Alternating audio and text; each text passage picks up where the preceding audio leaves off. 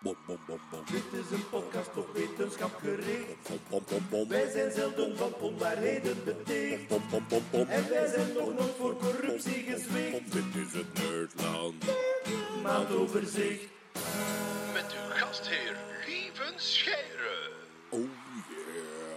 Een zeer goede dag iedereen. We zijn hier weer voor het Nerdland maandoverzicht. We kijken terug op de maand februari 2019 en het wetenschapsnieuws dat ons daarin is opgevallen.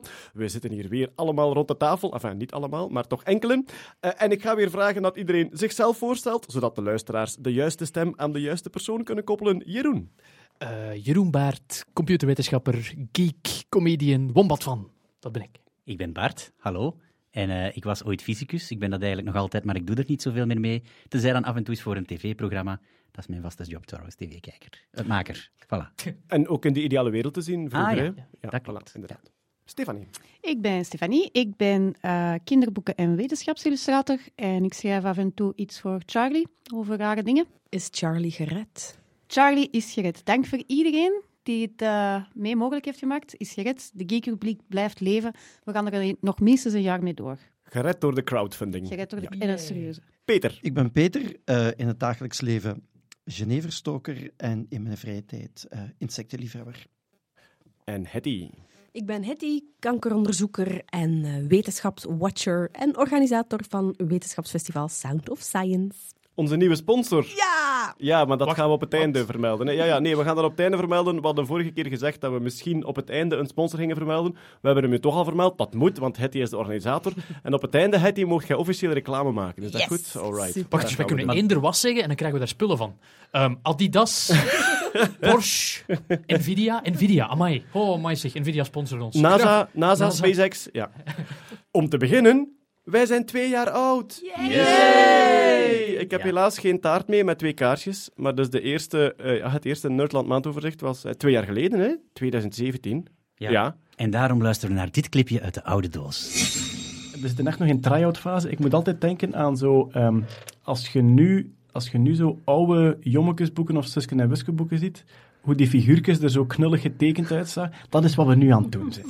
Wie, wie, zat, wie zat er in de eerste Eh, wetenschapspodcast? Diederik Jekel zat daar ook toen. Ah, ja. De Nederlander die helaas er nooit meer terug geraakt is. Misschien komt hij nog eens terug naar hier. Eh, ja. Eh, we, we gaan wel zien. Voilà. Al twee jaar modderen wij aan en beloven we professionalisering. en we willen dat graag blijven doen Yay. voor jullie.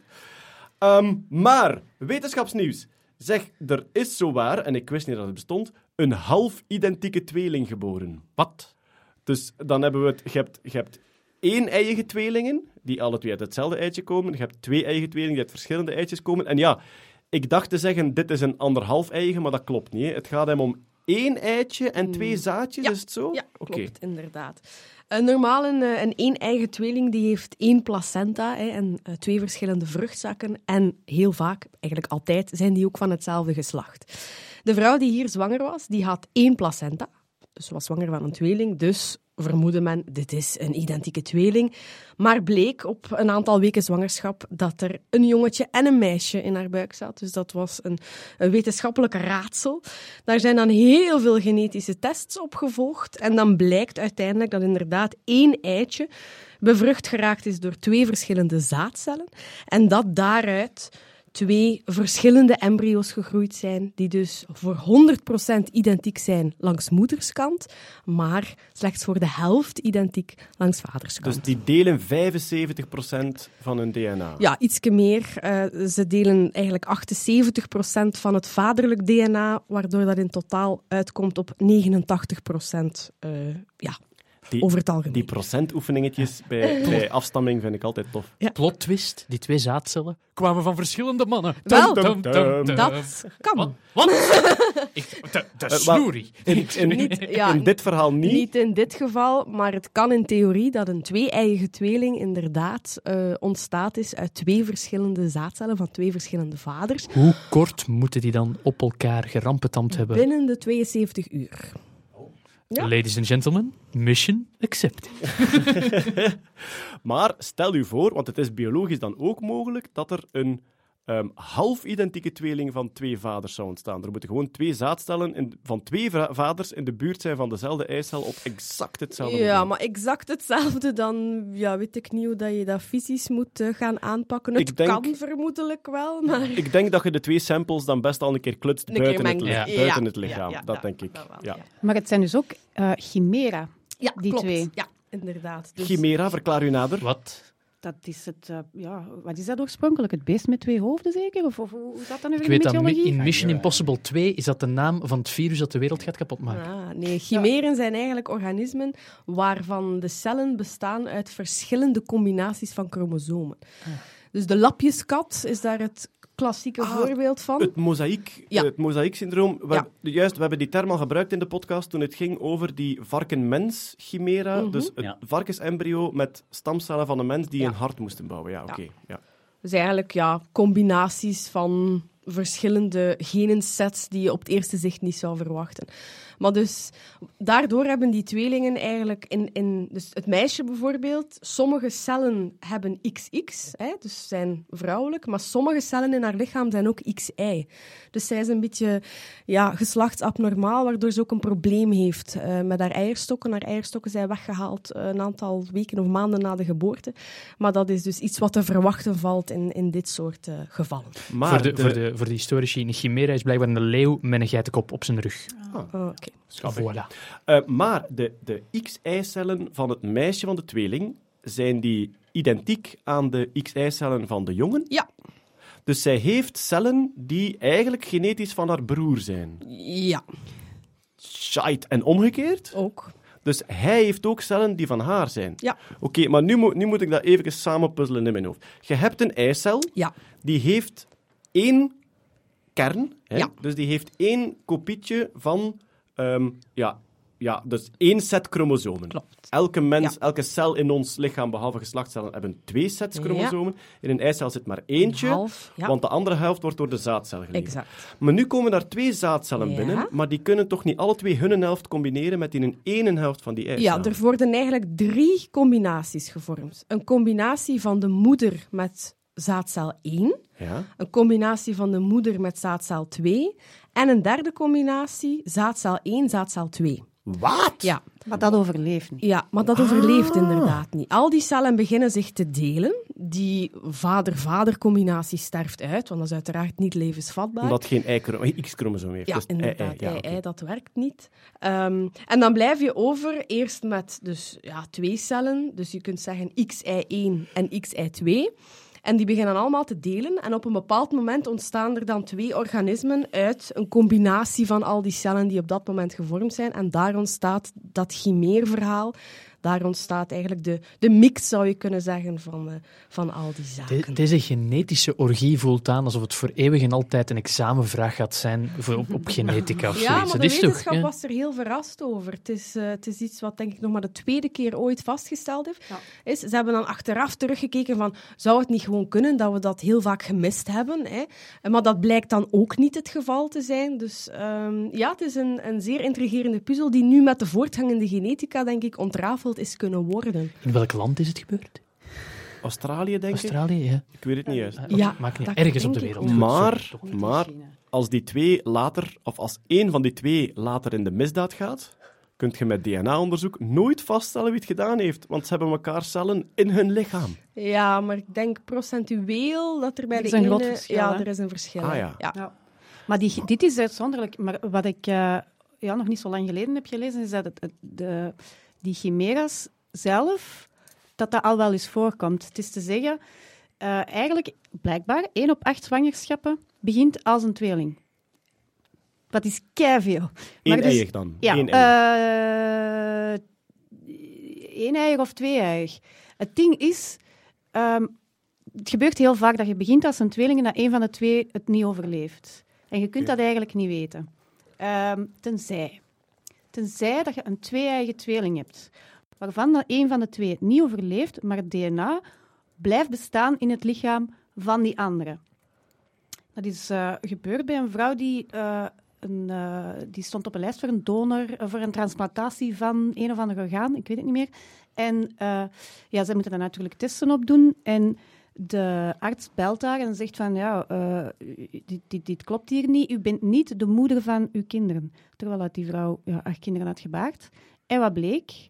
Zij had ooit een tweelingzus die het niet had overleefd, een twee-eigen tweelingzus, waarvan het DNA nog in haar lichaam is blijven bestaan. En ze had dus twee verschillende DNA-profielen in haar eigen lichaam. Echt, op ja. verschillende soorten, op- in verschillende weefsels. Zotjes. Haar Zeg, eigen maar- tweeling. Bij die half-identieke tweelingen, want ik ben, ik ben er nog niet volledig uit. hè. Ik bedoel, het begin, Ja. je, hebt, je hebt je eitje, en normaal gezien, vanaf het de zaadcel binnen is, wordt een buitenkant hard, Ja. zodat er geen tweede binnen kan. En het vermoeden is dat die twee zodanig op hetzelfde moment binnengekomen zijn, dat zelfs dat razendsnel mechanisme dat het afsluit, niet snel genoeg was. Excellent timing. Ja. Maar dan eh, eh, zit ik nog altijd met die drie halvekes.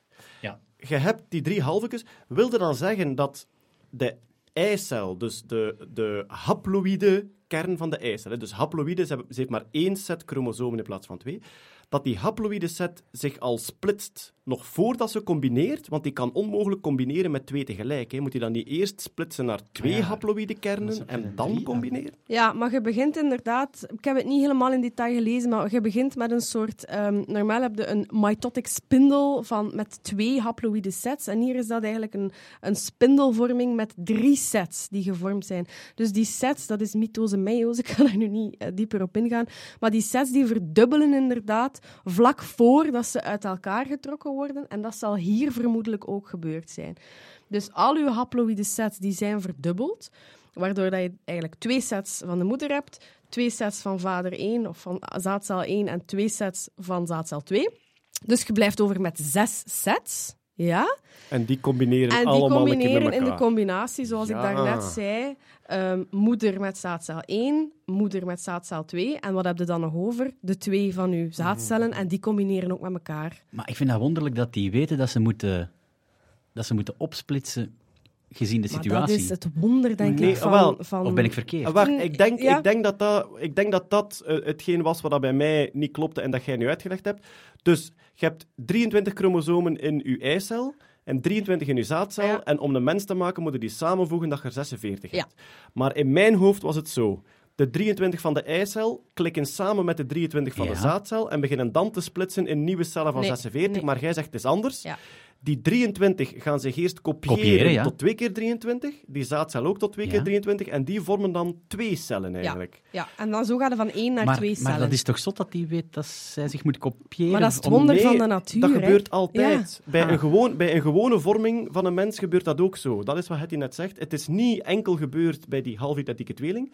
Als een gewoon kindje gevormd wordt uit één eicel en één zaadcel, doen ze dat, doen ze dat ook zo. Gaan ze eerst elk hun helft kopiëren en dan pas twee cellen maken? Dat, zo is het toch, hè? Denk ik, denk ik. Ja. Oké, ja. Voor de Ah. mensen die Nou. niet meer kunnen volgen, Ja. om dit weg te spoelen en om, om even te bezinken, heb ik een interessant weetje over de acteur Andy Garcia van The Godfather Volume 2. Verras ons. Die is geboren als een Siamese tweeling. Die had, die had een eh, softball-sized, dus een tennisbalgrote eh, eh, eh, kindje, dood op zijn schouder. En dat is eruit gehaald in een kliniek in Cuba. Voilà. Allee, jong. Ja. Conjoint, is conjoint twin dyslexia. Is dat, dat niet dat? zo, nee, Nee. is dat niet zo tera, teragoom, tetragoom, Nee. tetra something? Te- ja, het heeft een naam, hè. Dat is zo, dat, dat, Het heeft dat- een naam en die naam is. Andy Garcia. Stel je voor dat je dat niet weghaalt en dat je zo gelijk een piraat met, met een papegaai, zo altijd Zo een handig, dat is klein handig als je acteur bent, als je een tekst vergeet. Goed, maar kijk, die half-identieke tweeling, ik vind het geweldig intrigerend. En je ziet eh, met het hele gepuzzel van hoe dat, dat kan ontstaan, dat we zelf al allerlei eh, eh, raadsels gecreëerd hebben. Dus eh, we zijn, gaan er, het, zijn er filmpjes van? we gaan Want het blijven volgen. zijn. Ja, er zijn filmpjes van. Maar Oh. illus- geïllustreerde filmpjes. Hè. Oké, want op, op, een, stuff. op een foto ga je, ga je geen verschil zien tussen twee andere... Ja, maar zo het beeld van die twee zaadcelletjes dat dan die eicel binnenkomen. Ah ja, dat zou wel knap zijn, geanimeerd volgens mij. We gaan eventjes verder naar... Er is een robotkever gebouwd. En nu moet ik het eventjes eh, verduidelijken. Misschien hebben sommige mensen al gezien dat je eh, kakkerlakken, levende kakkerlakken, kunt besturen met een elektrisch bakje. En dat principe is heel simpel. We hebben dat ooit zelf gebouwd, hè, Peter. Wij hebben dat ooit, eh, Ja. Jij hebt dat ooit gebouwd voor ehm scheidende schepping. Ja, klopt. Eh, ge- het is heel simpel. Als een kakkerlak een tik krijgt tegen zijn rechtervoelspriet, dan draait hij naar links en eh, omgekeerd. En je kunt daar gewoon twee elektrische draadjes in stoppen. En als je dan op een bakje duwt, dan stuurt een klein computerke de juiste stroom naar die antennes. Ja. En dan draait hij gewoon links en rechts. En je Ja. bestuurt echt een kakkerlak. Met je smartphone. Enfin, je kunt die twee, drie minuten besturen en dan heeft hij dat ook door en zegt hij, blast mijn zak op en blijft hij eigenlijk gewoon zitten. Maar wat ze nu gedaan hebben, Peter, als ik het goed snap, dat is van een hele grote kever niet Ja. alleen de antennes, maar ook echt de spiertjes van de poten en de vleugels bestuurt. Ja, maar ze zijn, ze zijn in, in dat soort projecten al een tijdje bezig. Met, ehm, met vooral, vooral grote kevers. Dus ehm, in de familie waar die Goliath-kevers en zo in zitten.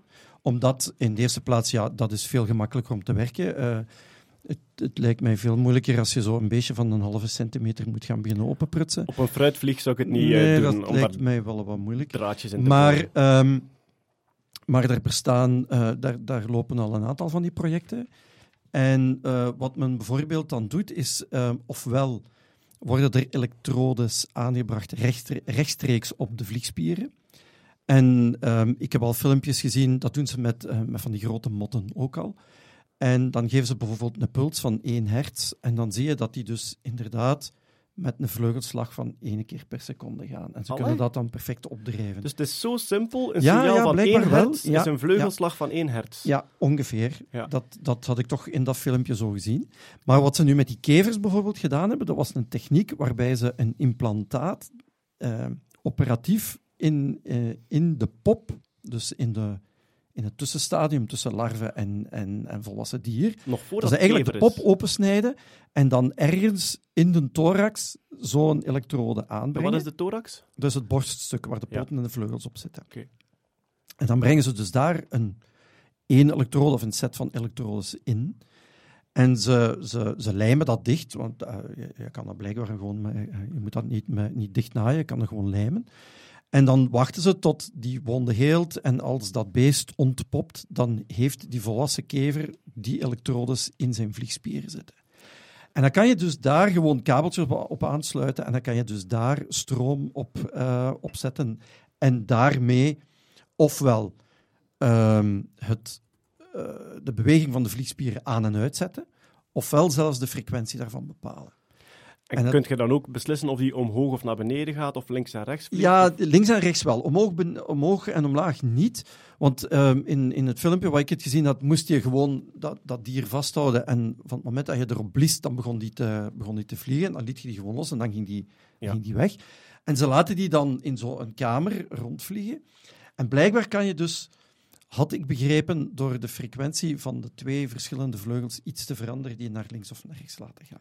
Dus wat dat eigenlijk op neerkomt, dat is in plaats van een robotje te bouwen, hè, dus Ja. zelf een robotje met bedrading enzovoort, Ja. laat je een grote kever biologisch groeien en je gebruikt zijn hardware Ja. en je stuurt hem aan met je eigen software en met wat kabels en een chipje. Ja, en, en je ziet dan in, in het filmpje wat ik gezien had, eh, zegt een onderzoeker van kijk, hij, hij, hij spartelt... eh, Daar ging het over de poten, daar ging het eerst niet over de vleugels, maar ze konden die dus ook laten lopen Ze aan een bepaalde snelheid. Die zes poten apart besturen ja, en daarmee Zelfs laten galopperen, dus niet de poten eh, links-rechts alternerend laten gaan, maar bijvoorbeeld de, de pootjes tegelijkertijd laten gaan. En eh, hij, die, die onderzoeker laat dan zien van, kijk, hij probeert tegen te spartelen, maar hij kan niet anders, omdat hij dat elektrisch signaal krijgt en die spieren blijven gewoon bewegen. Ja. Zoals steeds is er bij de entomologen weer geen vlaagje ehm, ethisch bezwaar te Nee, nee, dat kennen we niet. Wel, maar dat ging, dat ging exact mijn vraag zijn. Ehm, bij, bij Scheidende Schepping hebben wij dus zo een kakkerlak bestuurd met twee elektrodicus op de antennes. En wij hebben dat niet kunnen uitzenden, omdat de reactie van het publiek en zelfs van de cameramensen aanwezig was zodanig heftig op het feit dat wij een dier aan het besturen waren. Terwijl Ik vond- daarna... Ik vond ik- om te beginnen al fout dat je eh, Willy Klaas als kakkerlak... eh, Maar, maar die reactie ja, is wel... De, de reactie vond, vind ik, in, in het geval van de kakkerlakken dan, vind ik dan wel een beetje hypocriet. Want, Tuurlijk, want want- als je daar Ja. niks op, op van elektroden insteekt, dan is de eerste reactie van, wat een vies beest, en we stappen dat dood. Ah, wel, inderdaad, die, diezelfde mensen gaan naar huis en gaan een vlieg doodslaan. En daar is Ja. ook geen enkel probleem mee. Maar ik denk, wat dat bij hen het bezwaar is, is... Volgens hen is dat beest op dat moment bewust en weet dat of leidt dat onder de manipulatie. Ja, maar dan kom je weer tot diezelfde discussie van, hebben insecten een bewustzijn of niet? Ja. En twee, ik, ik eh, ben ervan overtuigd, die, die elektrische pulsen die daarin zitten, zijn zo laag dat het eigenlijk gewoon hetzelfde is als de elektrische pulsen die zenuwen doorgeven. En dat dat dier eigenlijk gewoon een, een tik voelt of, of iets anders, dat kunnen, wij, dat kunnen wij ons niet inbeelden wat het is. Ja. Maar die voelt geen pijn. Hè? Dat is niet alsof je die beesten aan een 380 Maar gaat Peter, hangen. Hè? Als dat beest die een dag niet naar het strand wou, en jij doet die met je Ja, elektrische ja, maar schokken oké. naar het strand gaan, Ja, ja. dan heb jij een kever van dag doen veranderen. En Ja, daar maar hij heeft in. geen pijn, Jeroen. Ah, wel. Maar hij wil niet naar het eh, strand, Peter. Je zou dat ook, je zou dat ook bij een mens kunnen doen. Die zou Ja. ook geen pijn Ja. voelen. Die zou alleen Ja, denken, ja, ja, waarom, ja, ja. Beweegt mijn, waarom beweegt mijn arm? Ik heb, mijn hersenen hebben dat niet besteld. Ah, wel, inderdaad. wel. En, maar, dan, maar nu komen we er. Nu komen we er. Op dat moment, als jij als mens zou beseffen, iemand bestuurt mij en laat mij nu stappen naar een plek waar ik niet wil zijn, dan schieten er bij u allerlei cognitieve ge- gedachten in gang die sowieso tot angst en weerstand gaan leiden. Ja. Maar dat bewustzijnsniveau Dat- dat hebben die bestaat insecten niet in Nee. Zijn ze daar zeker van? Zo goed als. Ja, want eh, heel, heel de hersenschors waar zich dat afspeelt bij de mens, daar is nog niet het begin van sprake van bij een insect. Dat, het, aantal, het aantal neurologische verbindingen bij een insect, dat, dat is Er is, laag. er, is een, er, is, er is een voorbeeld wat de entomologen op die vraag geven, is als, als er bijvoorbeeld, eh, ze hadden een beeld van een springkaan, die zit aan een stuk eh, stengel of gras te eten en die wordt gevangen, op dat moment gevangen door een bitspringkaan. En die bitspringkaan begint die op te eten, maar die begint zo ergens halverwege dat lichaam. Maar die springkaan, allee, je zou dan vermoeden van die gaat beginnen tegenspartelen en die gaat, eh, weet ik veel wat, ja, schreeuwen, dat kunnen die beesten niet. Maar die blijft gewoon dooreten. Ja, maar Dus zo ken ik, zo ken ik ook mensen. Dan noemen Ja, ze ja, domme ja, mensen. Dus dat, dat, wat Lieve zegt, dat cognitieve vermogen, of, of die, die reactie die wij dan hebben, die emotionele reactie, want dat is, pijn is, is heel dikwijls niet alleen de fysiologische reactie, maar ook de emotionele, heeft ook een emotionele component. En die insecten hebben dat niet. Hè. Hier is mijn plan. Vier kevers, kleine instrumentjes, een bas, een drum, een microfoon en een gewone gitaar. Die Electric Beatles. Oeh, papa. Maar alleszins, eh, gestuurd. Robotkever, ik vond het een geweldig intrigerend project, omdat je effectief, ja, de, de- ja, je laat een robotje groeien door de biologie en dan Ja, probeer je te en, bestuderen. en eh, het wordt nu natuurlijk heel sterk gepromoot om dat te gebruiken in bijvoorbeeld reddingsoperaties. Als mini-drone, hè. Ja. Maar ja, je, je kunt er natuurlijk vergif op nemen dat de militairen er ook. Geen zorgen, deze zwerm kevers komt hier in. Ja, er, er, er, is nu, er is nu ook trouwens een, ehm, een libel waar ze al. ehm, want een van de grootste problemen is natuurlijk. Je, je, je moet zo'n ding kunnen op afstand besturen, dus daar moet een batterij mee. Dat is Ah. ook een van de redenen waarom dat ze die grote kevers Die kunnen grote nemen, omdat je daar ja, ja. iets meer gewicht aan kan hangen. Ja. Een van de dingen die ze nu hebben geprobeerd is een libel op afstandsbestuur en daar hebben ze zonnepanelen op geplakt. Deze zwerm kevers en vier lekkende autobatterijen. Kom hier. Maar dus iedereen die er meer van eh, wil eh, zoeken, denk dat je kunt... Ja, ik denk als je googelt op Robot Beetle, Ja, ja, dat, eh, ja. dat, dat je het wel. En de, ja. Ja. de filmpjes zijn ook geweldig intrigerend. We gaan naar de ruimte, meer bepaald naar eh, Mars, want daar is een held van ons ingeslapen. Een, Opportunity. een jarenlange vriend... eh, een, een jarenlange vriend van ons allen heeft eh, de geest gegeven. Is hij nu eigenlijk al officieel op? Hij is officieel doodverklaard. Zijn naam, zijn naam ja. was, eh, de, voor de, voor de niet-vrienden is het Mer-B. Voor de, de iets wat beter vrienden is het Mer B, Opportu- was hij niet Ja. bij de Spice Girls ook? Ja, maar daar praten we niet meer over. Eh, voor de niet-zo-vrienden is het Opportunity. En voor de echte vrienden, zoals we allemaal zijn, is het Oppie. Die is in, in 2003 is hij samen met zijn broertje Spirit eh, op, is die gelanceerd. In 2004 hebben ze die op Mars neergeplopt. Die moest normaal maar 90 dagen meegaan. Die moest een beetje 90 dagen. rond, een beetje rondrijden en kijken. En op basis van die, hij heeft daar de, de grond onderzocht, op basis van die zijn bevindingen hebben ze de eerste prille eh, theorieën kunnen maken over water op Mars. En eigenlijk na 90 dagen, Oppie en, en Spirit waren langs de andere kant van de planeet. Dus de ene stond ja, langs de kant A, aan de kant Er waren de twee B. identieke rovers. Twee identieke rovertjes. Eh, en eigenlijk na 90 dagen mocht hij al ophouden. Maar die is ongelooflijk blijven verder gaan. Het is ondertussen 2005. En dan is het voor eerst een probleempje. Dan zat hij vast in een duin met zijn voetje. En dan Ah, hadden ze hem eigenlijk al opgegeven in een zandtuin. Daar is een mop over gemaakt in de Big Bang Theory. Ah. Dat dat, dat, dat zo gezegd eh Wallowitz was die dat gedaan had.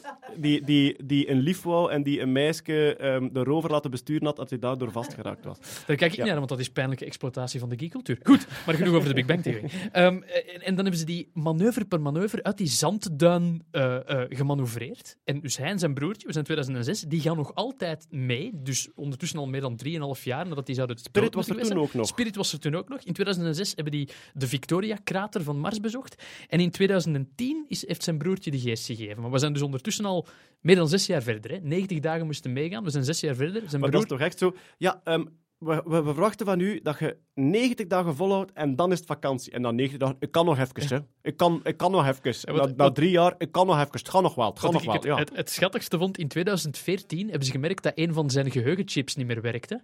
En dan hebben ze dat robot dementie gedoopt. En mocht hij dus nog altijd experimenten doen en data doorsturen, maar die mochten enkel en alleen in zijn RAM-geheugen blijven. Dus hij mocht vergeten. En wat dat hem niet meer doorgestuurd kreeg, dat werd weggegooid. Maar dat soort hardware-tweaking op een andere Prachtig, planeet... hè? Ik bedoel, op deze planeet is hardware zo goedkoop dat je gewoon zegt, vervangstukje. Ja, en maar- daar moet je dan improviseren. Ja, en dat, andere dat, dat is hardware dat op dat punt tien jaar oud is. Hè? Ja, en gebakken door kosmische stralen. Ja. En dan in 2000, ja, dus eind 2018 is er een grote zandstorm geweest waar hij stond. En zullen zijn zonnepanelen eigenlijk bedekt geweest zijn door zand.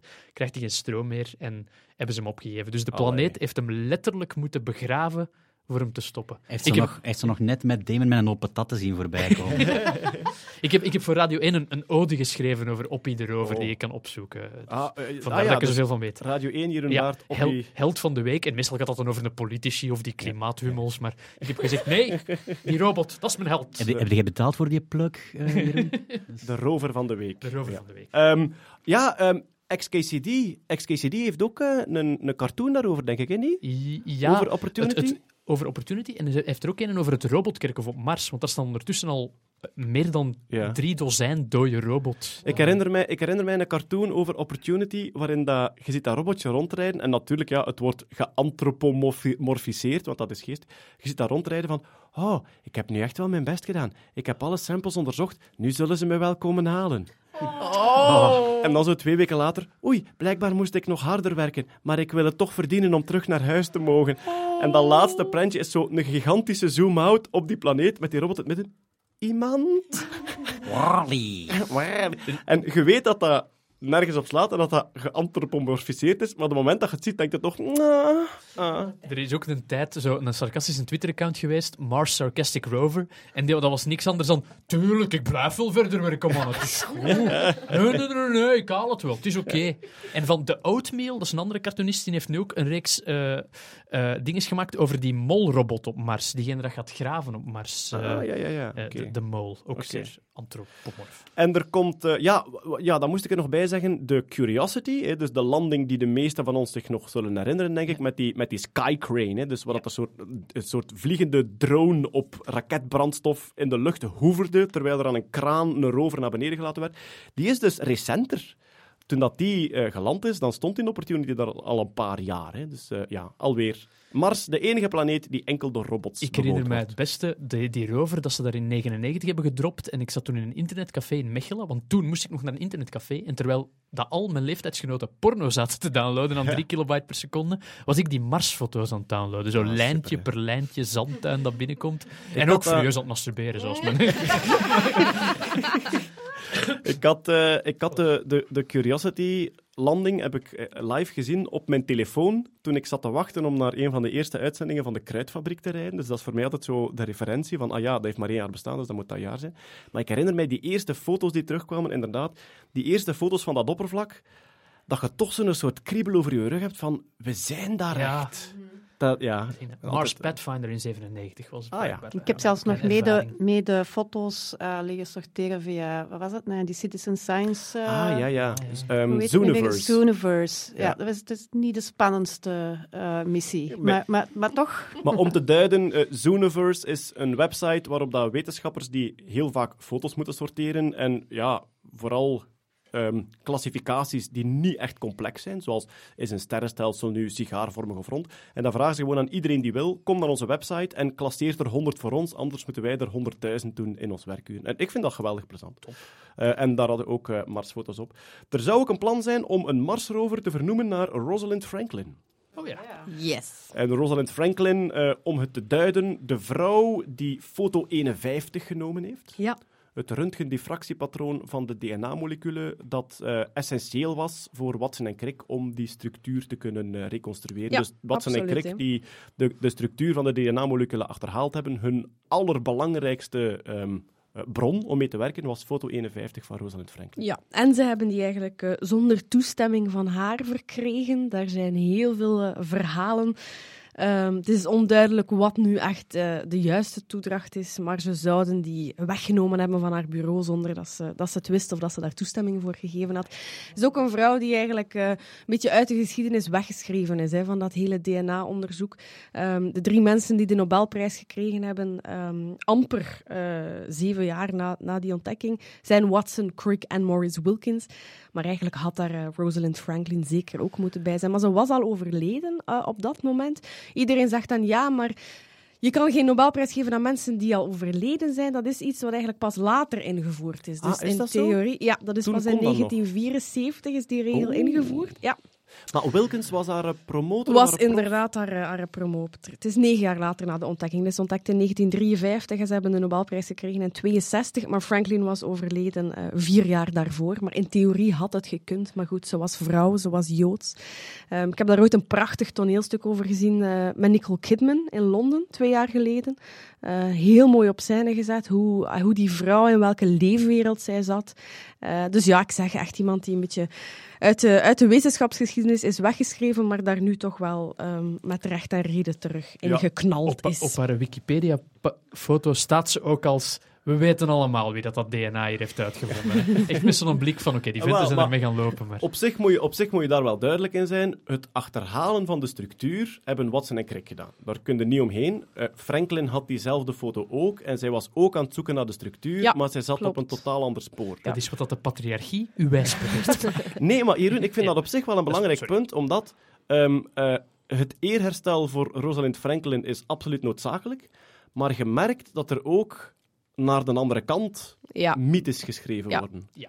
En Zij had het wellicht niet ontdekt. Ze was er ook niet echt mee bezig ehm, met die structuur. Zij was echt bezig met het op punt stellen van die techniek, van die röntgendiffractietechniek. die geniaal is ook. Die hè. uiteraard geniaal is, maar dat was haar focus. En zij was daar net iets minder mee bezig. Het is wel een zeer cruciaal element geweest met wetenschappers die er inderdaad wel aan dat model aan het bouwen waren. Maar dat duidt voor mij toch weer, wetenschap is, is teamwork. En je hebt allerlei invalshoeken nodig om uiteindelijk tot de, tot de juiste oplossing te komen. En ook dat mag je, mag je niet ontkennen, natuurlijk. Ja. Eh, maar haar paper is wel back-to-back gepubliceerd in diezelfde eh, Nature-versie. Dus ze staat er wel in met dat hele röntgendiffractieverhaal, maar het Ja, is een beetje... Maar ze krijgt dus een gegaan. Marsrover eh, naar haar genoemd. Hè? Ja, Ja, de ja. ExoMars rover. En je gaat dat zien, hè. die gaat 20% langer moeten werken om hetzelfde te verdienen als de mannen. Tuurlijk, ik ruim het hier wel op, jongens. Het is oké. Ah, misschien is het de rover die de zonnepanelen moet gaan kuisen van een opportunity. Oh, lieve. Eerst kijken nuanceerd. Jongens, de slinger mag niet te ver overslaan. Ja, nee, nee. de andere kant ook niet. En dan vrouwelijke robots kuisen.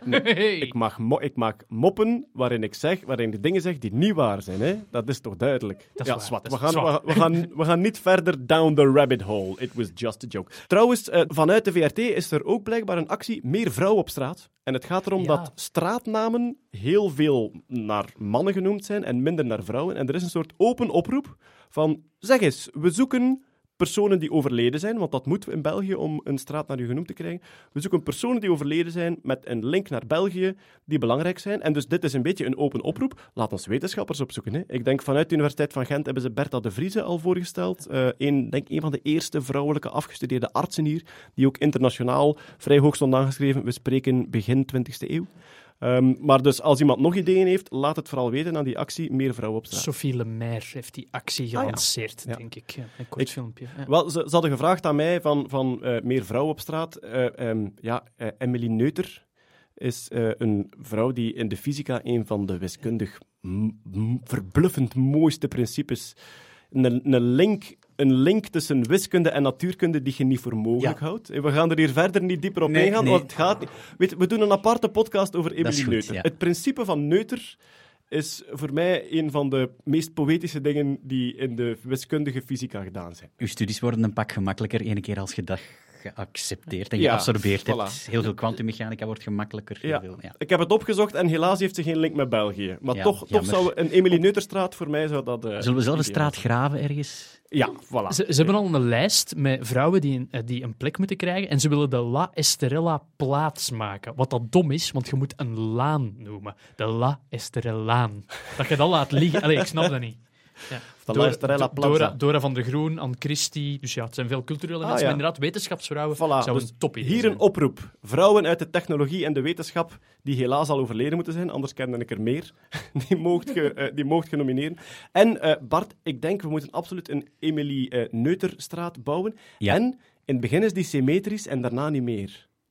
Ah, ja. Sorry, inside nerd mopje. Eh, ja, goed. We gaan verder. En we blijven in de natuurkunde, want Bart, eindelijk weten we waarom we plasma kunnen maken met, Ja. met natte druiven in de microgolfoven. Het is, iets, het is een heel klein nieuwtje, hè, maar ik vond het wel cool. Dus ehm, dat, was, dat was blijkbaar zo. Als, met, met één druif maak je geen plasma, maar met twee druiven in een microgolfoven die tegen elkaar moeten liggen, eh, daarmee, daarmee creëert je een plasma. Maar met Wat is twee- plasma? ja, Voor met de mensen twee- thuis. Wat is plasma? Ah, wel, met twee halve druiven lukt het ook. Ja, met twee halve druiven lukt het ook. Ja.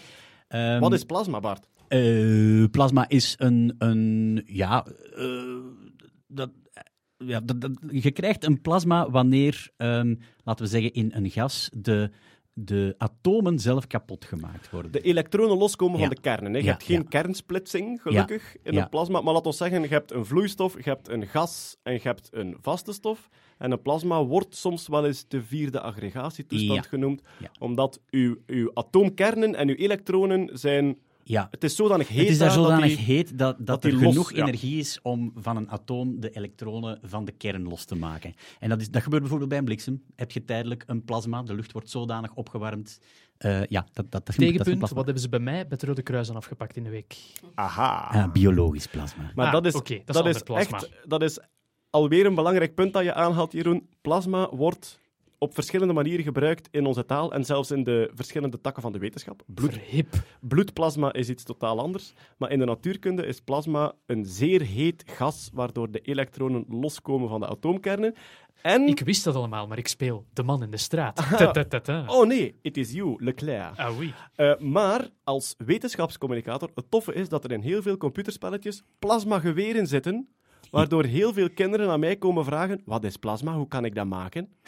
en dan kon ik dus telkens zeggen, A, als je plasma wil maken, moet je onder begeleiding van een volwassene twee druiven, of wel een druif in twee snijden met de helftjes nog een beetje aan Ja. elkaar, en je legt die samen in de microgolf, Ja, en dan op het aanraakpunt tussen de twee druiven daar ontstaat plasma. Ja. als je het thuis probeert, hou je klaar aan de microgolfknop om hem uit te zetten als het te heet wordt daarbinnen. Ja, of laat iemand anders klaarstaan om die uit te zetten. Ja, Als, een, als een kind dat ooit kastanjes heeft proberen te poppen in de microgolfoven, overleeft de microgolfoven dat? ja. Eh, ja, ja, Oké, best wel. ja, best ja. wel ja. Oh. Waarom werkt dat enkel met druiven? Wel, omdat een druif eigenlijk ehm, zowel de, de exacte, of exacte een, een brekingsindex heeft die gunstig is en een afmetingen heeft die gunstig is. Wat er eigenlijk gebeurt. Een, eh, dus de, de, de elektromagnetische golven, de radio, radiogolven, ja, radiogolven in een... eh, Elektromagnetische golf, is dat radiospectrum? ik denk dat het is, het is 2,5 gigahertz. Het is wifi. Het is wifi. De, ja. microgol de de microgolven microgolven is wifi. zijn ja. exact gelijk aan de golflengte Ja. van wifi-golven, Ja. maar uiteraard veel energetischer. En Ja, toch ja, zijn er mensen die zeggen van, geen wifi in mijn huis hoor, wacht, ik ga iets opwarmen in de microgolf. Ja, dus wat er gebeurt is, ehm, de, dus dat is 2,5 gigahertz ongeveer eh, elektromagnetische straling in die ruimte van, van, een, eh, van een microgolfoven.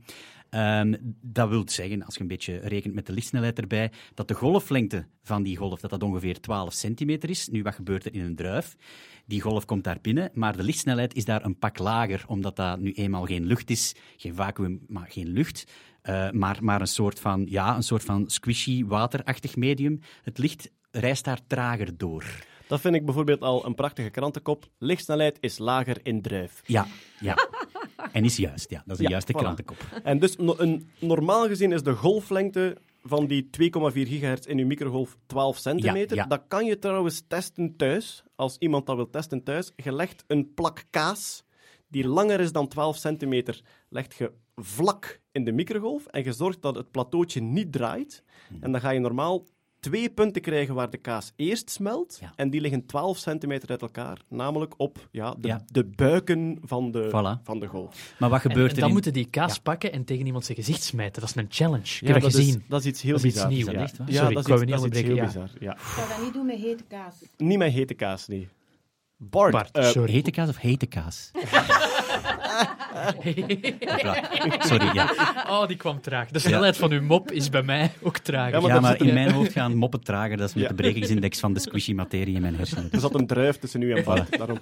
Wat gebeurt er in een druif? De lichtsnelheid is De, het trager, licht, de reis daar eigenlijk zo goed als tien, allee, ongeveer tien keer trager. waardoor de Waardoor golflengte... die golflengte ook ongeveer tien keer kleiner wordt. Dat wil zeggen een golflengte van ongeveer 1,2 centimeter pakweg. En dat is toch wel van de orde van, of bijna exact, de afmeting van die druif zelf. Dat wil zeggen dat golven in die druif, dat, die daar, mooi, dat daar mooi één golflengte in past, of meerdere golflengtes, dat gaat daar kunnen inpassen. Ja. En wat krijg, je, wat krijg je wanneer een golf mooi past binnen de grenzen van een object? Dat wil zeggen dat je daar staande golven kunt maken. Resonantie. Resonanties. Zoals jij ooit in de schuur van Scheire ja. douches gaan testen zijt Ja. op hun resonantiefrequentie van geluid. Ja, met geluidsgolven. Dus dat is de eigen frequentie van die druif. Dat is de elektromagnetische eigen frequentie van die druif, zouden we kunnen zeggen, ja. En daardoor... Wel, daardoor, daardoor ehm, gaat... Dus dat wil zeggen dat, dat, dat, dat die golf zichzelf gaat kunnen versterken, want elke keer als die aan de kant van die druif komt... Hé? Ja, elke keer als die aan de kant van die druif komt, ja, kaatst die mooi terug... En al die zijn buikjes gaan op elkaar vallen en die, die, die gaat zichzelf daar versterken. Dus Dus wat, alle buikjes op elkaar, dames en heren. Dames en heren, je zou moeten kunnen zien met hoeveel sappigheid Bart dat hier aan het vertellen Ja, is. het is ook magnifiek. Echt Ja, het is echt magnifiek. magnifiek. Dus wat gebeurt er met één druif? Ja, die buik, laten we de eerste resonantiemode, is eigenlijk knoopjes aan de kant van de druif en een maximale amplitude in het midden van die druif. Dus die druif warmt op in het midden. Dat gebeurt normaal niet. Als er iets in een microgolfoven staat, dan dringt die golf langzaam binnen van de kant en dan heb je langs buiten een warme shell en in het midden, daar is het iets kouder nog. Maar die druif van binnenuit warmt die op. Wat gebeurt er als je twee druiven tegen elkaar legt? Wel, dan zou je kunnen zeggen, in die twee druiven gebeurt hetzelfde. Dat is ook zo. Maar eigenlijk, die grens, dat normaal een muurtje was, waar dan normaal een knoop hoort, Dat contactpunt. dat contactpunt, dat, is, dat, is, dat medium wordt daar verbonden. Dus die kunnen met elkaar communiceren. En dat wil zeggen dat er een nieuwe modus mogelijk wordt, zijnde een knoopje aan het uiteinde van de ene druif, een knoopje aan het uiteinde van de andere druif, en op het contactpunt een buik, een maximale amplitude. Dus de, de, het, het gecombineerde object van twee druiven Ja. wordt het allerheetst op het kleine contactpuntje. Op het kleine contactpunt, ja. Dus daar wordt dat super warm. Wat wil dat zeggen? Daar is, daar is wel een beetje lucht in de buurt ook. Die lucht die raakt daar door de extreme hitte geïoniseerd. Je zou verminderen. Ja, voilà.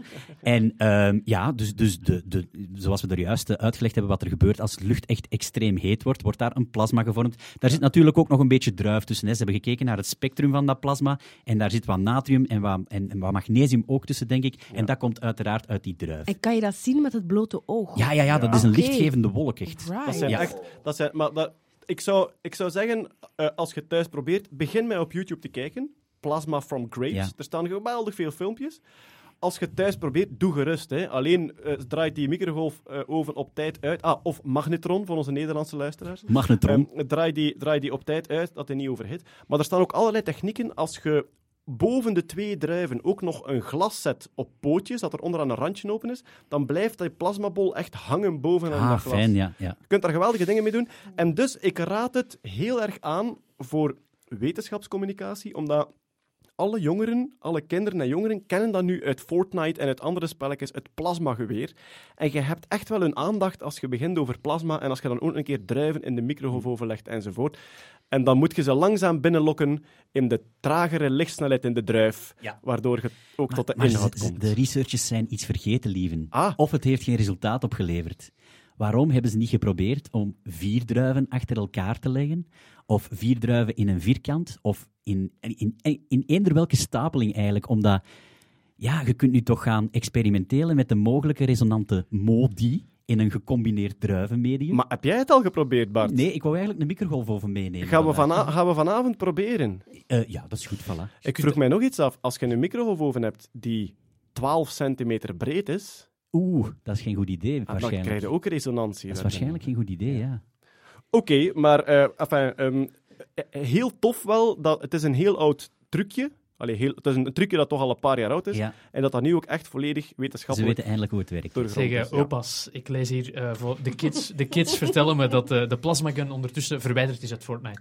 Dat was eh, slechts tijdens een tijdelijk eh, eh, event was die beschikbaar. En nu is die er niet meer in, dus haha, suckers. Dat is jammer. Gelukkig is er nog geen andere spelletjes. Ik denk dat hij zelfs in Duke Nukem zat. Ja, absoluut. in Ja. Doom En in ook Doom ook, ja. Ik denk dat? Doom, ja, voilà. de, de big... De big Fucking rocket. ja, gun, ja. sorry. Oké, Ja. ja. Big fucking gun. Goed, we gaan verder. Hetty, kanker is weer al genezen. Yay, opnieuw! Zullen we de publication bias jingle spelen? Komt-ie. Hoppakee!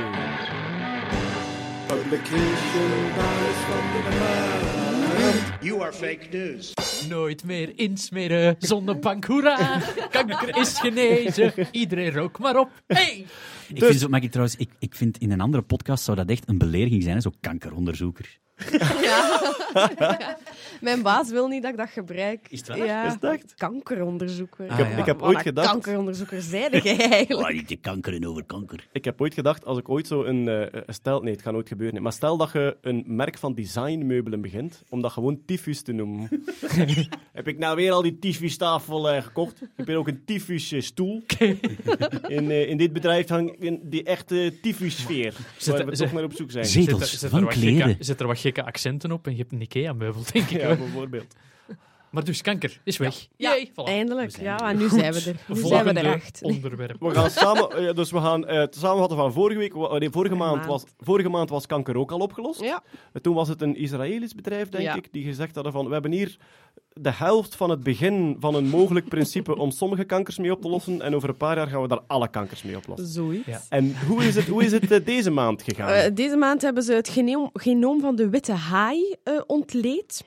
De witte haai, een enorm dier dat al eh, 16 miljoen jaar op onze planeet evolueert. Een genoom heeft dat eigenlijk eh, ongeveer anderhalf keer zo groot is als dat van ons. En daardoor vermoedde men, omdat het anderhalf keer groter is, dat het ook een stuk instabieler is. Dus dat het gevoeliger is voor fouten, voor mutaties. En we weten allemaal, fouten, mutaties in de celdeling, die leiden uiteindelijk tot kanker.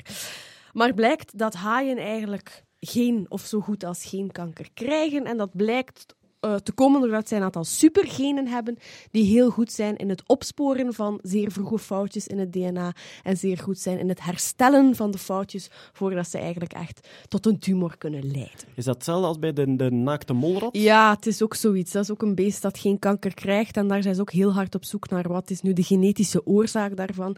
En eh, heel veel zit inderdaad in dat hele verhaal van DNA damage control. Ehm, Omdat ja, op het moment dat je DNA beschadigd raakt, ehm, is dat als een van de mogelijke oorzaken Dus van, ze hebben zo'n kanker. Carcharodon carcharias vastgenomen Maar dus en bekeken. En dan? de, be- de bewering was eigenlijk, we gaan dit principe kopiëren bij de mens en alle kankers gaan genezen. Wel ja, de bewering was dat we weten nu welke genen het zijn, dus kunnen we dat niet gewoon met gentherapie of zo de genen inbrengen bij de mens en zorgen dat dat maar zo eenvoudig is het natuurlijk Ja, niet. moet er... Ehm, Ja, what could go wrong? Ja, inderdaad. Ehm, maar allee, op zich niet oninteressant dat we weten waarom bepaalde dieren al dan niet vatbaarder zijn voor, voor die ziekte en wat de mechanismen daarachter zijn. Maar tot een oplossing eh, zal dit niet zo heel snel leiden. De krantenkop kanker is genezen is dan onnodig. Maar het Mensen sluit wel... furieuze witte haaien aan het neuken. Heb het in de krant gezien. Ik wil je de jana zeggen. Zo, zo kennen we toch iemand, hè, die haaien... eh, Eh, nee. John, het, het, het John McAfee-stukje is pas straks. Ah, oké. Ja, John, John McAfee, ja, inderdaad. Walvissen. Die, eh, ja, Walvissen, walvissen, juist, ja. walvissen zijn dat. Dat is hetzelfde. Allegedly. Allegedly, ja. Maar... eh, pardon, ik had het niet verstaan. Een gat is een gat. Oh ja, voilà, inderdaad. Een spoortgat. Ehm, ja, de, de naam zegt het zelf al, meneer de rechter. Ik vind het grappig dat wij Hetty's diep wetenschappelijke uitleg weten te onderbreken met ah! Ah, piemel in de daar zitten we hier voor. Sorry, Hetty. Dus kanker genezen, vertel ons. Maar ehm, het sluit eigenlijk wel aan bij een eh, andere bevinding, eh, die wel, vind ik, spectaculair is. Namelijk, er is eh, een persoon genezen van HIV Ja, na een stam, beenmergstamceltransplantatie. Inderdaad. Hiv, hiv, hoera. Oh, Dat Jezus. ik mogelijk in de trein voorbereid. Geen schaamte. Hetty, vertel het ons. Ehm, Ja, tweede persoon ooit genezen van HIV. En daar moeten we wel bij zeggen, er zijn mensen die door medicatie hun HIV-niveau, eh aantal zodanig virussen... laag, ja. de viral load zodanig laag kunnen houden dat zij eigenlijk niet meer besmettelijk zijn. Dus dat zij zelfs onbeschermde seks kunnen hebben met Ja. partners. Ehm, ja, absoluut. Door medicatie, dat staat al heel ver op dit moment. Maar Ehm, dit was echt genezen. Ja, maar genezen, dat was voorheen nog maar één keer gelukt. Ehm, met name in 2007, dus eh, twaalf jaar geleden. De zogenaamde Berlin patient was een man die zowel HIV als leukemie had. Misschien heel kort, HIV is een, eh, een virusinfectie van onze T-cellen, dus van cellen in het immuunsysteem. Witte bloedcellen? Witte bloedcellen, inderdaad. Leukemie is ook een ziekte van de bloedcellen. Hè. Dus die situeren zich alle twee in het beenmerg. Ehm, de link tussen die twee is zelfs niet zo uitzonderlijk. Ehm, HIV-patiënten zijn vatbaarder voor het krijgen van, eh, van bloedkankers. Ja. Ehm, de enige manier om die man nog van zijn kanker te genezen was een volledige uh, beenmergtransplantatie. Wat doet men daar? Met straling en met heel zware medicatie schakelt men eigenlijk het volledige immuunsysteem van die mensen uit. Die zijn op een bepaald moment dus heel vatbaar voor overlijden, om het zo te zeggen. Dat is echt... Die Dat hangen, klinkt als een ja, die hangen tussen leven en dood bij, bij zo'n eh, transplantatie op een bepaald moment. Maar dan steekt men daar eigenlijk het immuunsysteem van een donor in, in de hoop dat die het hele systeem, het hele bloedsysteem opnieuw gaat overnemen. En in die allereerste patiënt was dat toevallig een donor die een CCR5-mutatie had. CCR5, het gen dat onze Chinese vriend He Yang-kui in november aangepast heeft in de meisjes, opdat die niet meer zouden kunnen besmet worden met HIV. Ach zo. Dus plots krijgt onze Berlijnse patiënt een compleet bloedsysteem van een donor die eigenlijk vanuit zichzelf een natuurlijke resistentie tegen HIV heeft. Dat hele bloedsysteem neemt zijn lichaam over, maar eh, virussen kunnen ook niet meer binnendringen in de immuuncellen, omdat die immuuncellen van nature resistent zijn tegen dat virus. Die man is genezen en van zijn leukemie en van HIV.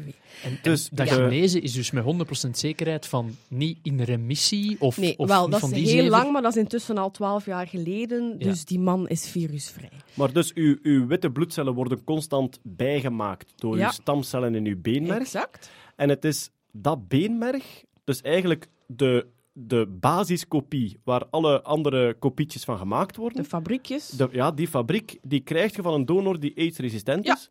Dus je hebt bloed van iemand anders. Genetisch is uw bloed van iemand Klopt. anders en die is AIDS-resistent, Klopt. waardoor dat jij geneest. Ja. Maar de behandeling is zodanig riskant Voilà. dat ze die niet Ja. gaan doen voor Nee, iemand die geen Er is absoluut heeft. geen manier om mensen van HIV te genezen, omdat inderdaad zo riskant, echt een laatste redmiddel voor heel veel kankerpatiënten, zeer duur. De kans dat je een geschikte donor vindt, Ja. ten eerste al zonder die alleen natuurlijke resistentie is zodanig klein, dus laat staan met, dus dat is zeker geen eh, grootschalige manier om te genezen. Zeg, en in heel die procedure is het dan zo, dus eerst wordt uw volledig immuunsysteem, uw T-cellen enzovoort, die worden kapot gemaakt door bestraling. Ja. Gebeurt daarna de transplantatie? Ja. Dus je zit, je zit met een gat waarin dat je geen immuunsysteem Ja. hebt. Ja. En geopereerd wordt. En, en, en uw, uw beenmerg dat er is ook vertelt, of op een of andere manier zegt van, niet meer bijmaken, jongens. We gaan u subiet vervangen. Ja. Wauw. Iets Ja. zegt Ja. me dat je dan niet buiten komt. Op dat Nee. moment. Nee, ja. Dat ze dan in een plastic En in een hoe- ziekenhuis ja, hoe crazy riskant Ja, dat is, dat is iets wat in, in het begin heel vaak fout gelopen is, ehm, maar nu allee, Maar je moet zeer goed op punt staat. Overlijden is de kans op overlijden ongeveer 50-50, dus nog altijd veel. Hè. Maar je moet dan toch Maar- al een, een heel grote kans op... Allee, je moet er al heel slecht aan doen zijn voordat ze dat... Ja. Voilà. allee. Enkel bij zwaar terminale Voilà. leukemie gaat dat Ja. gedaan worden. Er is, Maar- eh, er is net nog nieuws gekomen dat er een derde patiënt zou zijn. Ja, dus dat was eigenlijk, ik was aan het vertellen over die van 2007 nog. Dus de tweede is nu deze week uitgekomen. Dat is voor de eerste keer in 12 jaar dat dat voor de tweede keer gelukt is. En een paar dagen nadien inderdaad het nieuws dat dat voor de derde keer zou gelukt zijn. Ja, dat wordt een hype, hè. Ja, ja. Nee, dat op zich wordt geen hype, maar het idee van uw immuuncellen aan te passen en ze resistent te maken door dat CCR5-gen te muteren, daar kunnen we eventueel wel iets mee. Dat vraag ik mij af. Die He Jiankui Mhm. nu, als, u als, als die blijkt nu dat die door dat CCR5-gen aan te passen. Je hoort steeds meer over die, die mens en ik hoor u erover vertellen. En ik zit met een dilemma. Ik wil dat die, die baby's dat die gezond opgroeien, Ja, want dat ook. zijn baby's. Ja. Maar ergens wil ik ook ergens dat dat een soort van verschrikkelijke waarschuwing is. Dus dat we, dat we aan die baby's denken als... Weet je nog, die baby's die daar eh, hilarisch eetresistent waren, maar dat je ook ergens wilt van... Maar die hadden drie armen en vijf ogen en Mhm. een agressieve resistentie aan ismo, omdat we dat niet voorzien hadden. Ja, maar ja, zijn, zijn, zijn knip is ook mislukt. Hè. Ja, Hij- hij klopt. Heeft, Ah, is- ja, ja, zijn Ja. knip is mislukt. Dus hij heeft geknipt, maar op een compleet andere plaats. Ja, Dus- wanneer op de juiste plaats, maar op de verkeerde manier. De, die resistentie, die natuurlijke resistentie, is eigenlijk doordat er 32 letters uit het DNA zijn. Hij heeft er bij het ene meisje, denk ik, 16 uitgeknipt en bij het andere vier bijgestoken. Ongeveer op die plaats. Steekt zo Maar, nice. nee, eh, wel ja, Maar- het is dus inderdaad compleet mislukt. Hè. Ja, dus een genetische vorm die waarschijnlijk nog nooit bestaan heeft in de mensheid. Dus het is spannend. En Ja, misschien ook wel tot HIV-resistentie zal leiden. Dat- Wel, maar ik vroeg me nu af, zou het mogelijk zijn om eh, CRISPR toe te passen op beenmerg? Wel, wa- wat dat je kunt doen, is wat er nu heel vaak gebeurt. Dat is met die immunotherapie. Je kunt niet op beenmerg zelf, maar je kunt uit je patiënt ehm, bloedcellen halen, die in het labo modificeren en die dan terug inspuiten. Maar alle nieuwe bloedcellen zijn dan terug van de oude vorm. Ja, inderdaad. Oké, ja. dus Tenzij echt, dat eh, je intussen tijd echt het virus ja, uitgeschakeld hebt of onderdrukt hebt. Of, maar het zijn interessante pistes. Is dat daarom dat ik ben opgenomen in zo'n databank voor Ja, beenmergtransplantatie? inderdaad. Ja, oké, dat is Ja. diezelfde databank Ja. dat ze gebruiken. Voilà, want Ja. dat- er wordt altijd een oproep gedaan voor orgaandonatie, maar ik zelf zit ook echt in de databank voor stamceltransplantatie. Ja, dat is een wereldwijde databank, dat is naar het Rode Kruis gaan en een, een paar eh, buisjes bloed geven, omdat het echt zo moeilijk is, zeker voor jonge kinderen, om geschikte donoren te vinden. Belangrijk, veel mensen denken ik van, ja, maar wat als ik dan ooit stamcellen moet afgeven? Die denken nog altijd dat dat via een pijnlijke ruggenmergpunctie is. Nee. Dat is helemaal niet, hè? Nee, het is, allee, het is niet onpijnlijk. ehm, het is een procedure, ja, je voelt dat wel. ehm, maar ook, ja, Je redt er een heel, Voilà. heel, en heel, heel, heel uniek mensenleven mee. Ze, ze Ja, ja. roepen nu op en ze, ze stellen nu de vraag van, wil je dat doen? Je kunt dan altijd zeggen, nee, voor het een past boeman mij. Ja, tuurlijk. Toen we we zaten onlangs bij Van, van Giels en Gasten en ze wouden die stippen zetten tegen pesten. Ja. Ja. En ja, alsof dat er iemand gaat antwoorden, nee, nee, ik ben een pester. Sorry. De eh, CCR5 trouwens was ook weer in het nieuws met He Jiankui. Ik heb Ja. trouwens eh, een sms gekregen van mijn neef Frederik die in China woonde. En dus we hebben een nieuwe Bezos-uitspraak. Eh, vol, als ik het juist gelezen heb bij zijn sms, zou de correcte uitspraak Hu Junkwei zijn. Ge, nee, Ge was het. Ge, een hele zachte G. Ge Junkwei. Hebben we de Dat Klinkt als Chongqing. China-jingle ooit al gebruikt? De, dat klinkt als China, is, is zeer etnisch. eh, ja, is, die is nog in consideratie. die is, ja, ja. We kunnen direct daarna de Is dit etnisch karikaturaal jingle spelen. Johnny Trash, get Ja. working.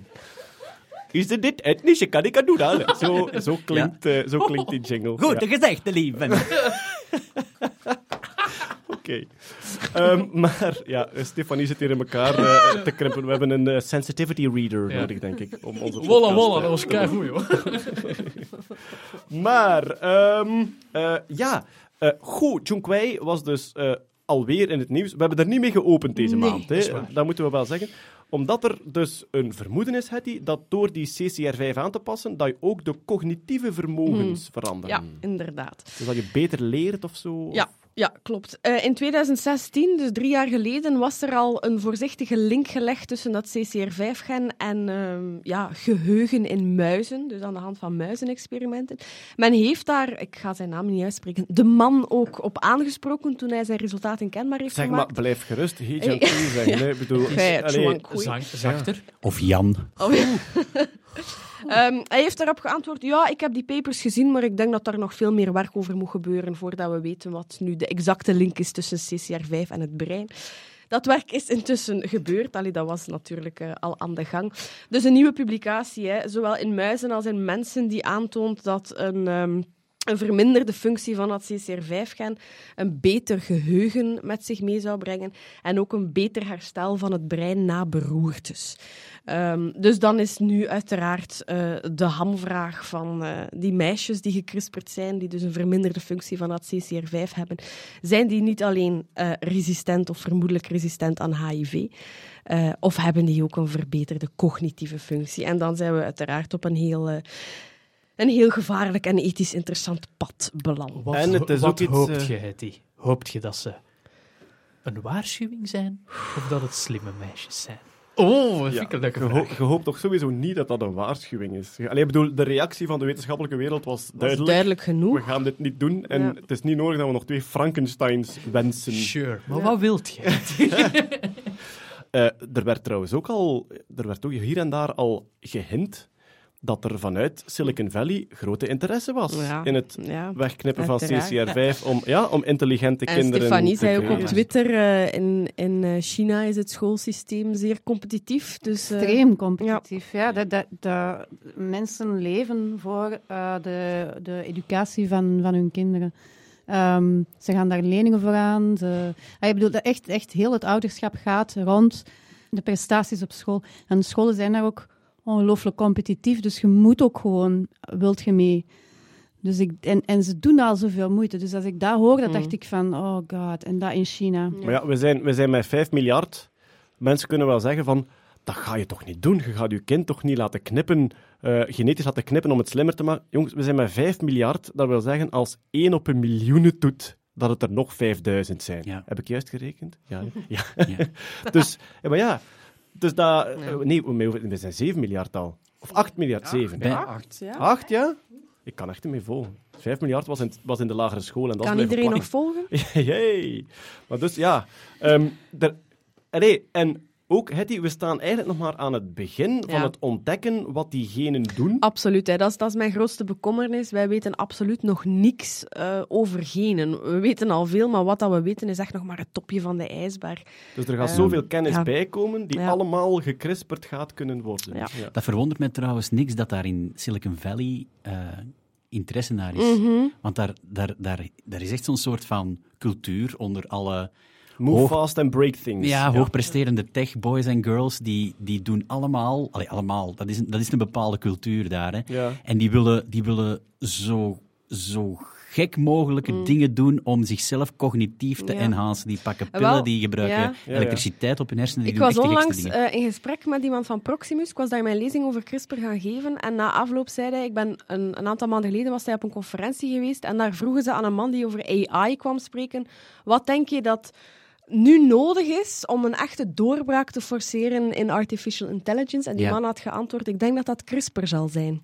Ja. Ja, dus dat er eerst een slimmere mens gecrisperd zal moeten worden en dat er Ja. dan een, eh, een doorbraak zal Dat- zijn in dat echt artificial intelligence. Blijkbaar. Zij, zij denken echt van, als Ja. we nu technologische vooruitgang willen maken, of eender welke leap forward, dan moeten we eerst onszelf... Dan moeten we eigenlijk, laten we zeggen, de, ik weet niet wat het percentage is, laten we zeggen de 1% brightest people, nog zo een Ja, procentje Ik vind dat slimmer maken. maf. Dat is een, dat is een raar, Dat is een, raar gedachte. dat Ja. is een rare plek. Er komen daarom ook rare dingen uit. Ja. Ehm, we gaan terug naar de ruimte. Er was eh, een, een nieuwsbericht. Goh, het was een klein beetje... Ja, nee, publication bias was het niet, maar het nieuwsbericht was een beetje opgeklopt. Het nieuwsbericht was... eh, NASA zoekt grappenmakers voor eerste Marsreis. Wat? Ja. NASA zoekt grappenmakers voor eerste Marsreis. En wat bleek uiteindelijk? Het was niet de NASA zelf. Het was een eh, onderzoek van antropoloog Jeffrey Johnson van de Universiteit van Florida. En die doet effectief onderzoek naar hoe presteren of hoe functioneren eh, geïsoleerde groepen onder zware werkdruk. Die doet onder andere zijn onderzoek op Antarctica. Dus op Antarctica heb je die basis die in de winter negen maanden onbereikbaar is. En dus die kijkt naar hoe zit die groepsdynamiek. En hij zegt, you need a joker.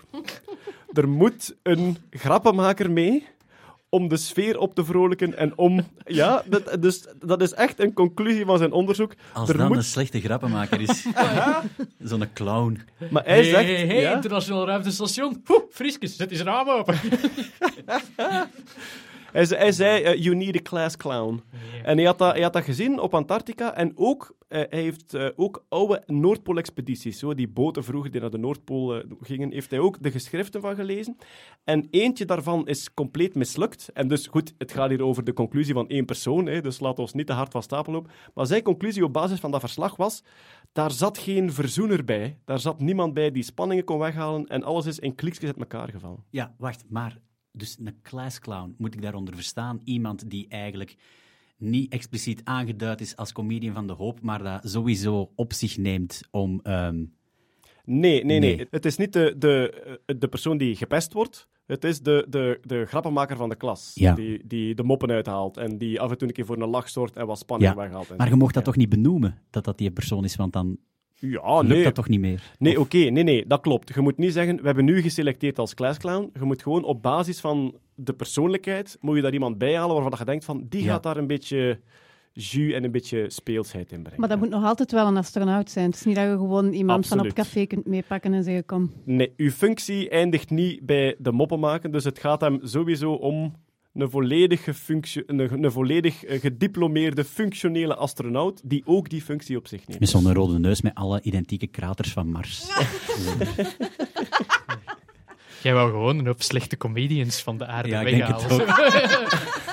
ja, maar ja, maar ja. We, hebben er, we hebben een lijstje van een paar Maar die we... In, in, ja, ik weet niet, in mijn perceptie, ehm, eh, hoe moet ik het zeggen, eh, nekt de oproep op zich de missie al. Maar het was geen oproep, hè. Ah, Nee, nee, het was, dat, dat, dat is een juist. bevinding. Ja, dat is juist. De krantenkop was NASA zoekt grappenmaker, maar eigenlijk ging het gewoon om zoals je vaak hebt. Ah, ja. Er is een wetenschapper die een studie publiceert. Het was geen opsporingsbericht. Nee. Nee. Ja, oké. Het was een wetenschapper die een studie publiceert, waarin hij eigenlijk gewoon zegt, volgens mijn bevindingen heb je echt wel iemand nodig met humor om de spanningen eh, eh, lichter te maken in dat soort groepen.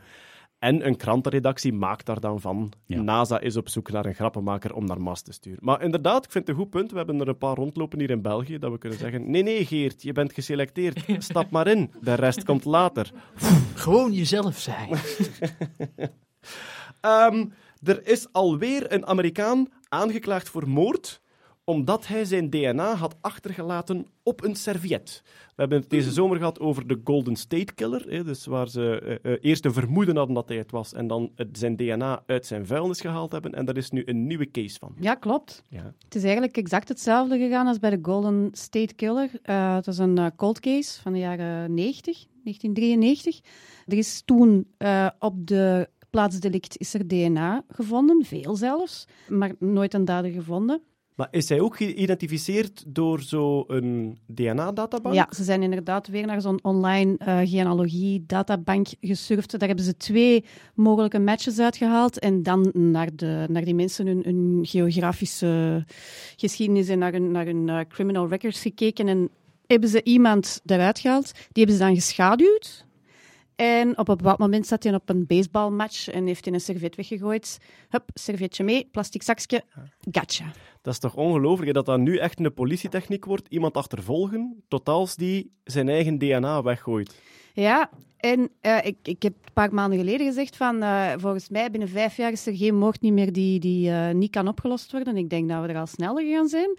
Blijkt dan nu er 15 miljoen DNA-profielen online staan, enkel in Amerika. Dat is genoeg om 60% van alle witte Amerikanen te identificeren. Er wordt geschat binnen een aantal jaar dat dat genoeg zou zijn om 90% van alle Amerikanen met Europe eh, European descent om die te identificeren. Alsof witte Amerikanen ooit gearresteerd worden voor een misdaad. Wel, this could be it, right? Dit zou, eh, dit zou wel het verschil kunnen maken. En waarom witte Amerikanen? Omdat het voornamelijk witte Amerikanen zijn die van die diensten gebruik maken. Dat die stamboomliefhebberij en zo, Juist. dat dat, eh, ja, dat, dat vooral Dat daar in- leeft in- blijkbaar Ja. bij witte mensen. Ik ga voor de zekerheid al mijn afval te beginnen verbranden in mijn tuin. Er zou ook kunnen niet iemand vermoorden. Och, nee, ik ja. ga voor het mijn afval verbranden in de tuin. Maar er was ook een beetje een, een privacy-rel in, ehm, in Amerika. Dus de politie mag uw DNA opslaan, in België ook. De politie mag uw DNA opslaan als de misdaad zwaar genoeg is. Hè. Als je moord gepleegd hebt, om een roofmoord, agressie enzovoort, verkrachting, komt je in een databank, daar heb je niets meer over te zeggen. Je bent je privacy kwijtgespeeld door dat soort misdaad eh, te plegen. Er is nu blijkbaar in, in Amerika echt een golf van DNA-stalen afnemen bij hele kleine misdrijven En ze vermoeden dat dat om die reden is. Dat de politie een zo groot mogelijke DNA-databank wil bouwen, omdat je dan ook veel potentiële familieleden hebt van mensen die hun DNA niet afgestaan hebben. En dus er was een soort privacyreactie van, jongens, er worden bij winkeldiefstallen wangslijmstalen afgenomen. Dat kan eigenlijk niet. Nee, dat mag eigenlijk niet. Maar het is ook wel zo dat als je zelf je DNA uploadt op zo'n genealogie-DNA-site, dat je eigenlijk niet echt de toestemming geeft om daar iets mee te doen aan de, aan de ordendiensten. En daar, daar zijn Amerikanen ook al een beetje zenuwachtig over. Ik weet het, maar de moment dat je, de moment dat je het zelf kiest om het online te zetten, is nog altijd een, in mijn ogen, naïeve beslissing van jezelf. Er wordt ook heel vaak gezegd, veel van die mensen die nu als stamboomliefhebber hun DNA publiek online zetten om te zeggen, kom het maar vergelijken. Er wordt nu gezegd, veel van die mensen, hun kinderen, gaan nooit een huislening krijgen.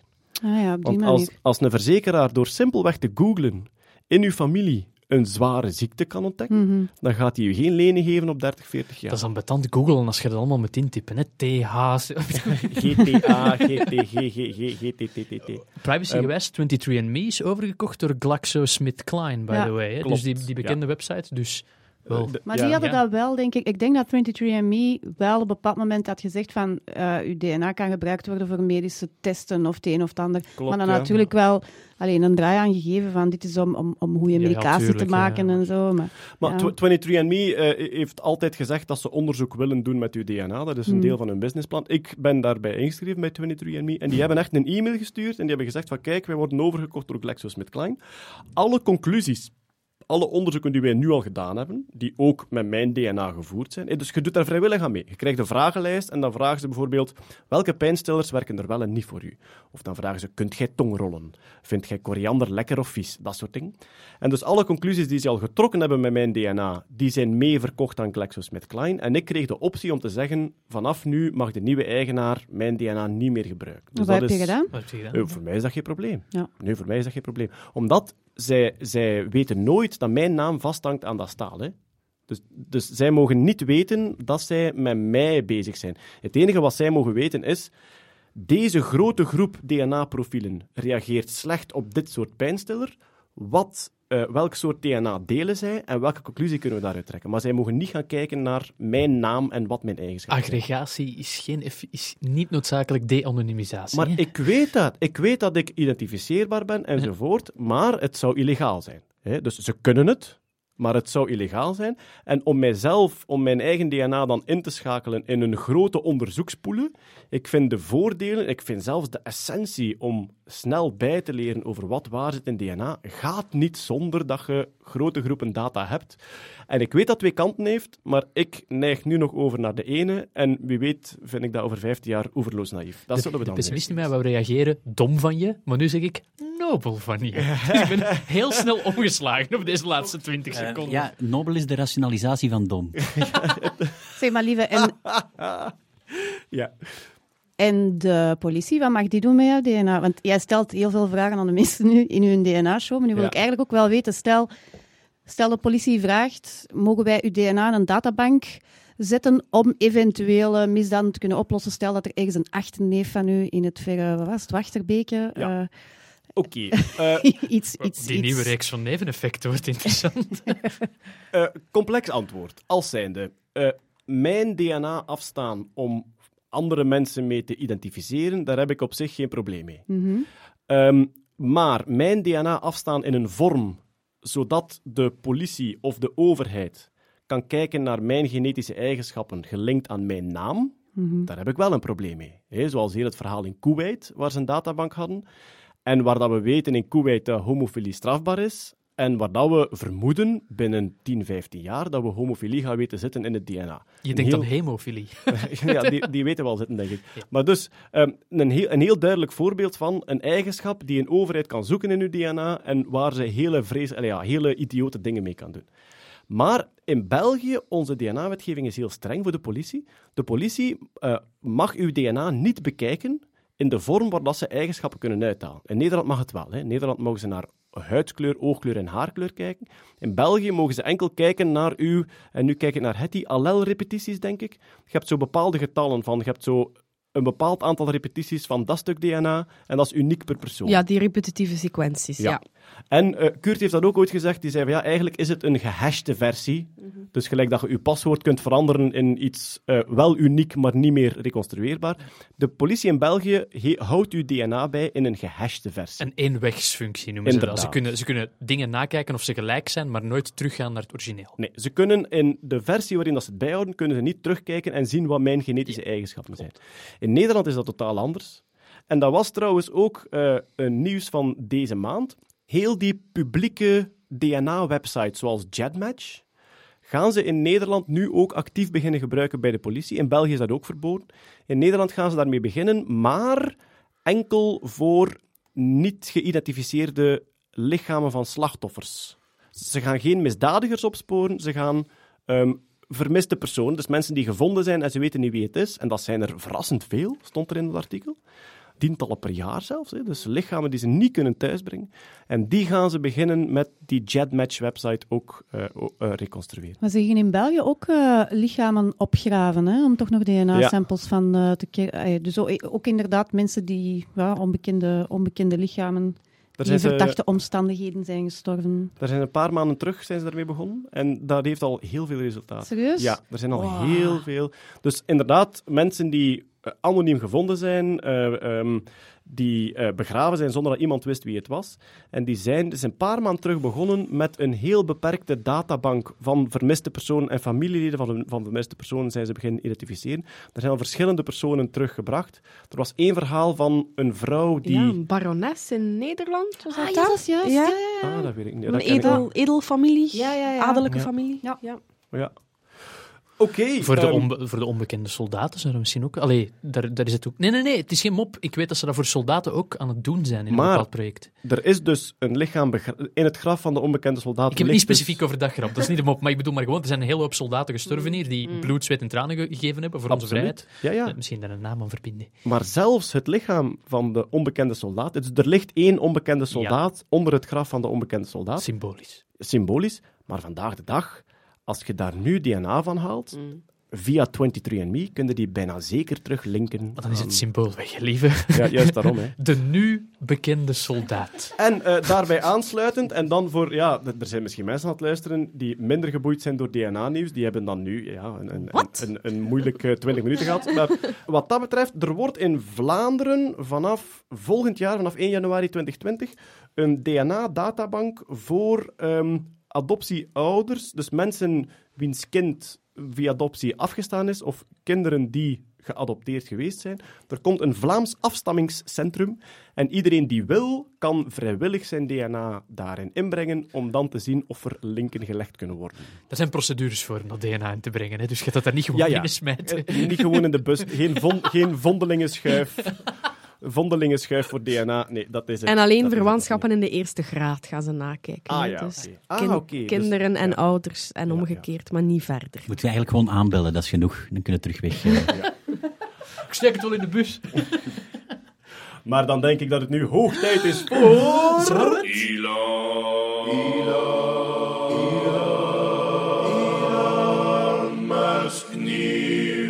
Musk was in het land. Het is al een tijdje geleden. Het was tussen de opname en het online komen van onze vorige podcast. Eh, ehm, ja, de nieuwe Tesla Model 3 wordt geleverd in Zeebrugge.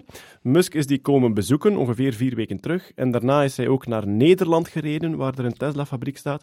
En ik heb zitten fanboyen dat niet normaal was.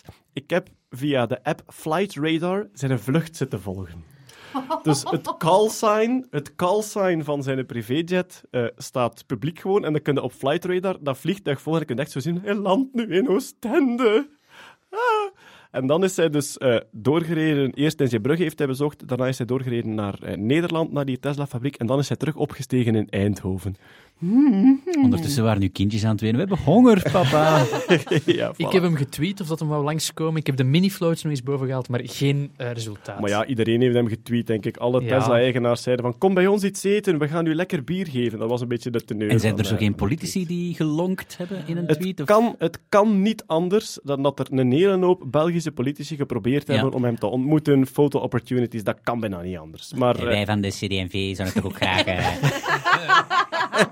Ja, van de Open VLD. eh, doen. Gewoon doen. Gewoon doen. Tesla. Er is veel Musk-nieuws, eigenlijk op, eh, bijna op alle fronten. Laten we beginnen met eh, SpaceX. De Crew Dragon, eh, dus de, de capsule voor bemande ruimtevaart, is, terug, is naar het ISS gevlogen, de testlancering. Eh, onbemand dit keer, dus lege stoeltjes. Eh, ik heb ze live gevolgd. Trouwens, die, die gaat nu een nieuwe cruciale fase in. Die moet ook nog heel huids terugkeren naar de aarde, wat meestal de bedoeling is met eh, eh, menselijke astronauten.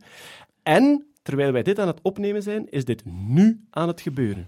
Die is zo net losgekoppeld van TSS en die gaat eh, in de loop van deze nacht, en ja, we zijn nu, hoeveel De maart? 7e maart. We zijn nu 7 maart. Die gaat in de loop van deze nacht terug afdalen in, in de atmosfeer.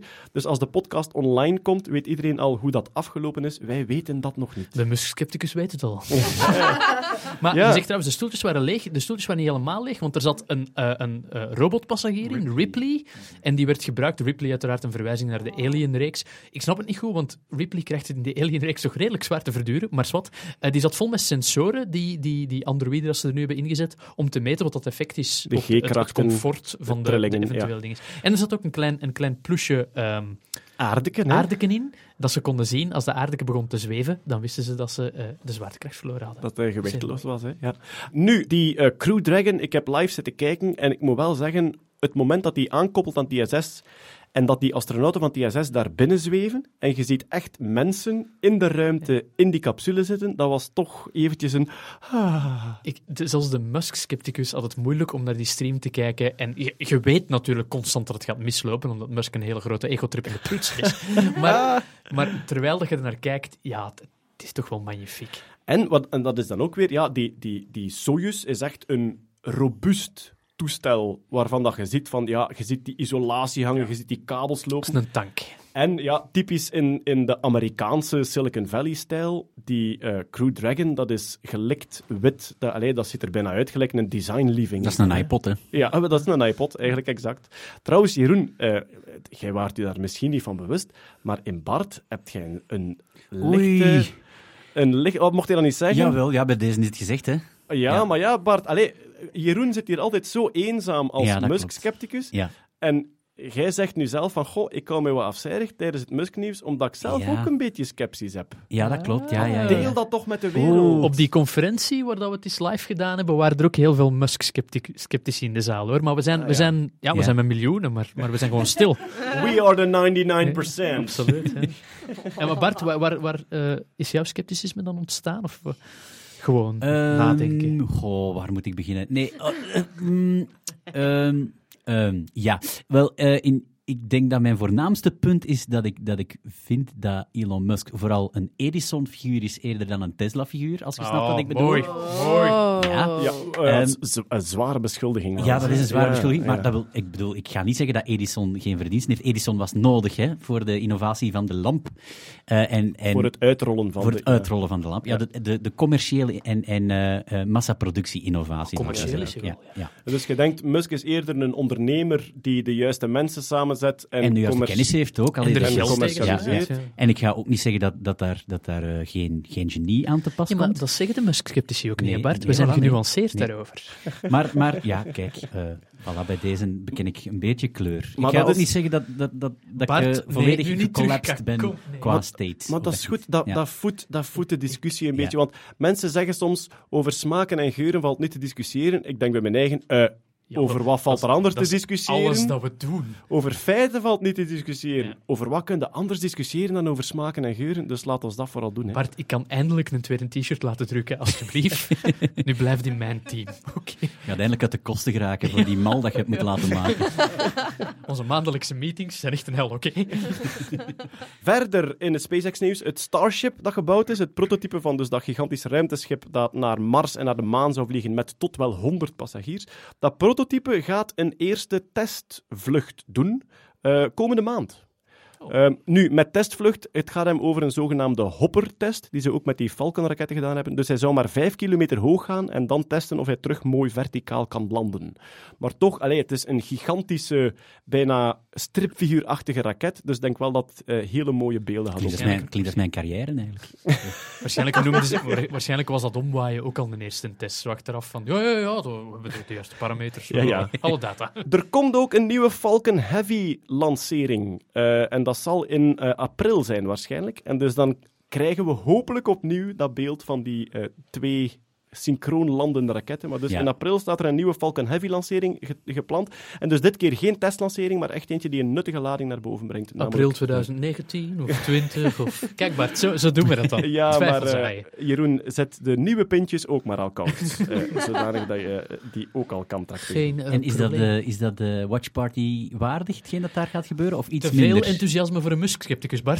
Temperen die handel. Kijk, voilà, als, als hij te dictatoriaal wordt, kun je, zijn je weer welkom bij ons ook. Hè, Je moet mij een beetje beschouwen als een spion. Ik probeer zo een beetje Oh ja, undercover clever. te blijven. Ah, je bent een dubbelagent. Oké, ja. We trekken nu wel weer naar deze kant. Ehm, eh, ja, Watch Party waardig. Als dat op, als dat op een goede moment valt, hè, zo een, een avond Ja. eh, hier bij ons, dan zou dat, dan zou dat ideaal zijn. Hè. Ik denk dat Maar- weinigen... Ja. Maar zit, zit er een soort, het snoepje dat hij altijd toevoegt aan, aan, aan zijn evenementen, zit daar zo, ik bedoel, destijds met de Watch Party, de wagen. Ja, nee. Ja, bij een testlancering heb je heel veel ruimte voor ja, eh, easter eggs en, en jokes en gelijk al. Ik denk, denk dat dat nu ja, Hmm. veel minder tot Minder afwezig zal zijn. Maar ze hebben altijd wel een zeer goed verzorgde live-uitzending. hè. Zelfs als Ja. Musk-scepticus, die live-uitzending was perfect. Met die, met die mooie traject die je van onder in beeld kan vol- volgen, Ja. dat je tot minuut tot minuut kan zien wat dat de fases zijn. Ja. Dat is mooi verzorgd, dat klopt, maar het eerste dat artificiële intelligentie ooit gaat kunnen perfect mimieken, is toch de soort van obligate hipster die het verslag uitbrengt, Oh ja, volledig van tekst voorzien. Maar dat Ja. is waar. Dat is, Ja. dat- ja, dat is heel Amerikaans en Ja. soms een beetje tenenkrullend. Hè? Van, Ja, absoluut, Zie, zie ons vlot en jong staan zijn in een witte t-shirt. Maar ook, ik ben nu aan het kijken geweest. Ik heb even gekeken naar de docking van de, van de Crew Dragon. Ja. En, en je, moet, je moet gewoon de inhoud van wat die jongens zeggen eens proberen samen te vatten. Dat heb je onmiddellijk neergeschreven en die blijven dat herhalen. Ah, en dat, is, Ja. dat, is, dat is eigenlijk hemeltergend. Millennials zijn lege dozen. Oké, en de helft van de fans zijn weg. Jeroen. Sorry. eh. Wij hebben trouwens een eh, rechtzetting gekregen, hè, dus eh, we herhalen het nog eens. Iedereen die iets gehoord heeft waar je iets aan kunt toevoegen of zegt van, goh, dat was niet helemaal correct, een, een kleine correctie, die zijn zeer welkom. Vroeger zeiden we er altijd bij, als ze beleefd geformuleerd zijn, maar jullie zijn zo beleefd en zo, ah, ja, niet zozeer beleefd, maar zo aanvullend enthousiast als zijnde, hier, dit kunt je er nog bij vertellen. Ik ben daar altijd eh, zeer content mee. Ehm, en Bram Leunis stuurde ons, ik had vorige keer gezegd dat de Russen op dit moment een monopolie hebben op bemande lanceringen, maar de Chinezen lanceren ook bemand. Alleen niet structureel. Hè. Dus die, die Soyuz-raketten die vertrekken structureel en op bestelling. En de, de Chinezen, dus de taikonauten, de Chinese astronauten, die lanceren ook bemand naar hun eigen ruimtestation. Alleen is dat heel sporadisch, is dat heel af en toe is. Maar dus de Russen hebben geen monopolie op dit moment op bemande lanceringen. Dank je, Bram Leunis. Inderdaad, en binnenkort al helemaal niet meer, als eh, hopelijk de Crew Dragon ook echt bemand gaat beginnen vliegen. Naast het SpaceX-nieuws, eh, Tesla-nieuws. Ja, sowieso, de Model 3 eh, rijdt nu rond. eh. Die, die leveringen zijn begonnen in Zeebrugge. Maar volgende maand wordt de Model Y ook voorgesteld. De Model Y. En, Waarom? eh, ja, Goed zo, jonge Padawan. Het is weer een nieuw model en dus het hele plannetje komt samen. We hebben dan de model S, 3, X en Y die samen sexy spellen. Er was diep over nagedacht en ook een miljardenbedrijf houdt zich bezig met dat soort ongein. Q-hipster. Hyperloop nieuws. Er zou een eh, Hyperloop-traject gebouwd worden in India. eh, in, eer- in de eerste plaats voor goederenvervoer. Het is een samenwerking van de Verenigde Arabische Emiraten en Virgin One. Dus dingen zitten er, ja, eh, ehm, Branson zit er ook tussen. Zonnegedroogde beetje. Ja. Ja, de zongedroogde beatje zit er ook tussen, Richard Branson. En die gaan dus een Hyperloop bouwen, maar dan voor eh, goederenvervoer. En ook, eh, ja, ook in Delft zijn ze Net zoals bij bezig. alle Hyperloop-nieuws is de reactie uit het Musk-sceptisch kamp... Ah, een metro. Voor spullen. In een vacuümbuis aan 1000 km per uur. Theoretisch. Oké, hoeveel pintjes als het lukt, Jeroen? Zes. Jeroen, ik ben hier nu ook. We kunnen voor 12 gaan. Hè? Acht, laatste bot. Daarom is hij zo blij, omdat je nu kunt samenleggen als je weer eens verloren Dat bent. scheelt me op de kosten, man. Ja, voilà. En hij heeft ook weer een tweet gestuurd. waardoor hij reclamaties van de beurswaakhond gekregen heeft. Dus Elon Musk heeft eh, ooit getweet van ik ga al mijn aandelen terugkopen aan 420 dollar en dan heeft hij geweldige reclamaties gekregen omdat hij de beurskoers beïnvloed had van zijn eigen bedrijf via een tweet eh, op ja, onvolledige informatie. En nu had hij getweet, eh, we hebben nul auto's geproduceerd in, wat was het, 2011 denk ik, en volgend jaar produceren we 50.000 auto's. En de beurswaakhond, die al een beetje op de tippen van hun tenen lopen als hij tweet, die zeiden van, eh, pardon, volgens de vooruitzichten gaan het er 400.000, eh, 500 hij zei 500.000, volgens de vooruitzichten gaan het er 400.000 zijn en je hebt nu weer een tweet gelanceerd waarmee jij de waarde van je bedrijf wilt oppeppen. Dit is waarschijnlijk exact niet de waarom bedoeling. Musk een Twitter-sitter kreeg die zijn werk niet doet. Ja, maar ja. Waarschijnlijk was het niet eens de bedoeling om de waarde van zijn bedrijf op te peppen, maar gewoon ja, zijn ego en zie eens wat we aan het doen zijn. Maar het, het was, eh, het was eh, ondoordacht, dat alleszins. Maar bon, dan denk ik wel dat we eindelijk na al die technische inhoudelijke dingen tot de essentie van het Musk-nieuws van deze maand kunnen komen. Eh, Vorige maand is Jeff Bezos ge- ge- gescheiden. Wij nemen even, even afscheid van Stefanie, die in het roddelskepsiskamp zit en nu denkt van, moeten we het hier eh, echt over hebben?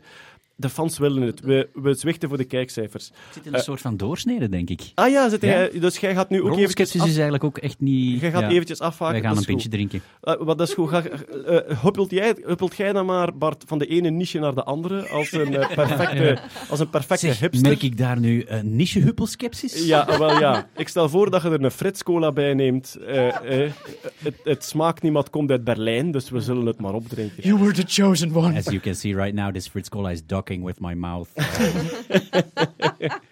Eh, ja, ehm, Jeroen, we hebben het natuurlijk over het feit dat Elon Musk gepoept zou hebben, voor de Nederlandse luisteraars de liefde bedreven, Geforniceerd. Eh, ja, eh, ge- geboomst zou hebben met de vrouw van Johnny Depp.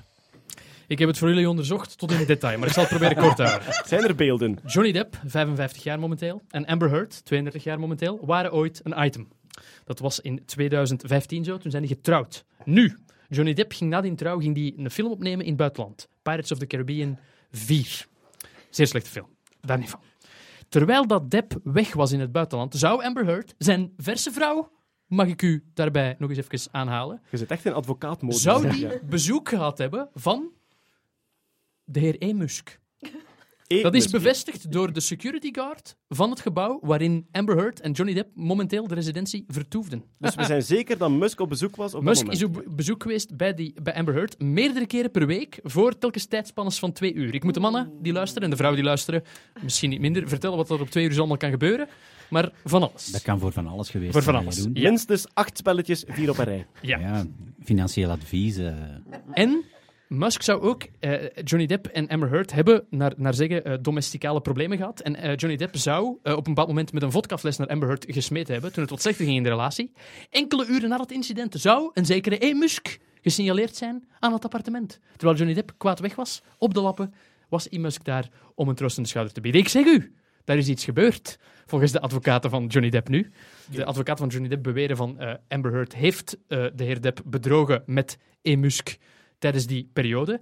Eh, Musk zegt van dat is helemaal niet waar. Ik ben pas samengegaan met Amber Heard, want die zijn wel degelijk een koppel geweest in 2016, lang na die hele Johnny Depp-episode. Eh, en eh, hij is er mee samengegaan in 2016, uiteengegaan in augustus 2017, dan terug samen geweest en dan als vrienden uit elkaar gegaan. En ze hebben nu nog altijd een hele hechte, mooie vriendschap. Oké, maar dus, om samen te vatten, de Ja. beschuldiging van eh, seksuele handelingen komt zuiver vanuit Johnny Depp. Klopt, Amber Heard en Musk ontkennen dat. klopt. Maar ze zijn wel een koppel geworden daarna. Er vlak na. En er was overlap, volgens de security guard, Ja. in Johnny Depp zijn verklaring. En dus voor een advocaat die een vechtscheiding behandelt, is die overlap een cruciaal element in het dossier. Absoluut. Oké. Nu, het gaat al lang slechter met Johnny Depp. Johnny Depp ziet er heel bleekjes uit. Hij draagt al zijn sjaals en is enorm verslaafd. Ja, ja, hij is enorm verslaafd aan wijn, aan dure dingen. Het gaat helemaal niet goed met de man. Dus die klauwt een beetje wild om zich heen. Hier ben ik zelfs als Musk-scepticus ben ik geneigd om eh, Amber Heard en Elon Musk te geloven. Ja, in dit oké, geval. ja. Maar wat, eh, later meer. Ja, ah, sowieso. Laat Dank u wel. Ja, absoluut. YouTube heeft ook van zich laten horen en ik vond het wel intrigerend. Ehm, YouTube gaat zijn algoritme aanpassen omdat ze gemerkt hebben dat het eh, samenzweringstheorieën geweldig bevoordeelt. En dan moeten we, dan moeten we echt naar de artificiële intelligentie gaan, dus naar de zelflerende systemen. Het zelflerend systeem van YouTube, ja, wat leert dat? Of wa- waar, waar streeft dat naar? Mensen zoveel mogelijk advertenties laten zien. Wat is nu gebleken uit onderzoek? De meest fanatieke YouTube-kijkers zijn samenzweringstheorie-aanhangers.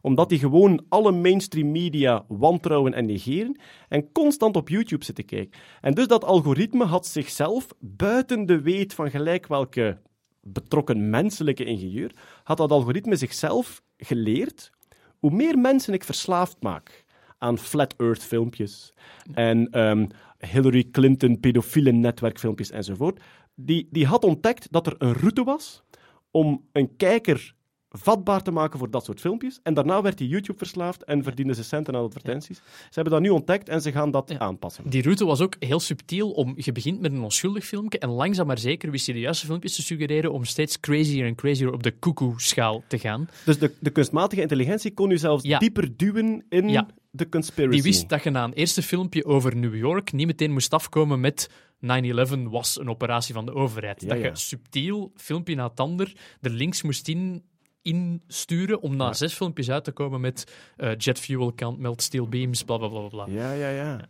Maar dat is toch ongelooflijk dat... Ja, ongelooflijk. Het ligt ook voor de hand, hè, maar dat dat systeem dat zelf uitdoktert. Dat is, dat is een systeem dat als, als enige doel heeft zo lang mogelijk oogballen op de site houden. Dat is Ja. op YouTube zo, dat is op Facebook zo. En dan krijg je een optimalisatieprobleem, waarvan dat de resultaten niet altijd... Het is hetzelfde, hè. Hoe geneest je kanker? Vraag dat aan artificiële intelligentie. Dat is van, oké, alle levende wezens uitroeien, eh, eh, missie bereikt. Ja, dat ja. zijn van die, van die condities dat je niet echt onder controle hebt, die technisch gezien juist zijn, maar een, een effect is dat je niet wilt. Maar dus die hele, die hele eh, flat earthers hype, hè, dus die, ja, de, de groeiende bende loonies die er heel erg van overtuigd zijn dat de aarde plat is, daar zou YouTube dus echt een hele belangrijke factor in geweest Die amplificeren dat. Vroeger was dat helemaal niet zo wijd verspreid of zoveel. Het feit dat we er nu over, in zitten, over zitten praten, is op zich al reden genoeg van...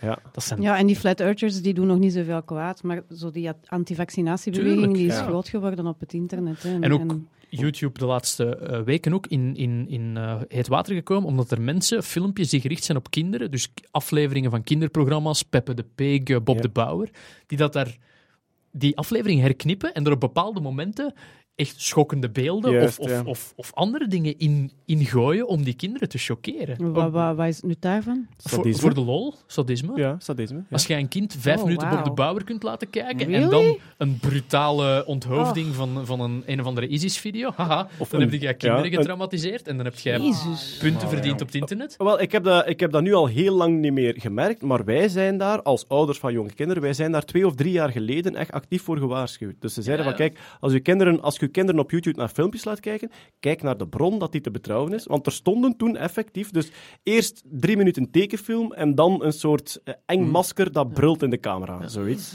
voor de, maar- maar voor ook- de ouders thuis, zet een computer in de living en kijk af en toe over Ja. de schouder van Ja, hun kind ja. mee. Ja. Maar, maar niet alleen dat, ook echt volledig uitgeanimeerde sadistische Ja, ja, scènes. ja, Die ja. binnen de stijl van, Ja. van, Allee. ja, Bob van de Bouwer, die en de zo. eerste vijf ja. minuten gewoon Ja. rustig doet. Elsa en dan Gate mensen en al die toestanden. Alweer, hè, we zijn met 8 miljard. ja. Als Maar ik één op een miljoen zot vraag is. mij, ja, ik snap het verdienmodel soms niet, maar waarschijnlijk Dat is heeft een dat veel... verdienmodel. Dat is Dat voor, is de, sadisme. voor Maar- de lulls. Ja. Letterlijk voor de Maar je moet die animaties zien, daar kruipt flink wat tijd in zo, om dat te maken. Ja. Mensen hebben tijd. Ja. Hmm.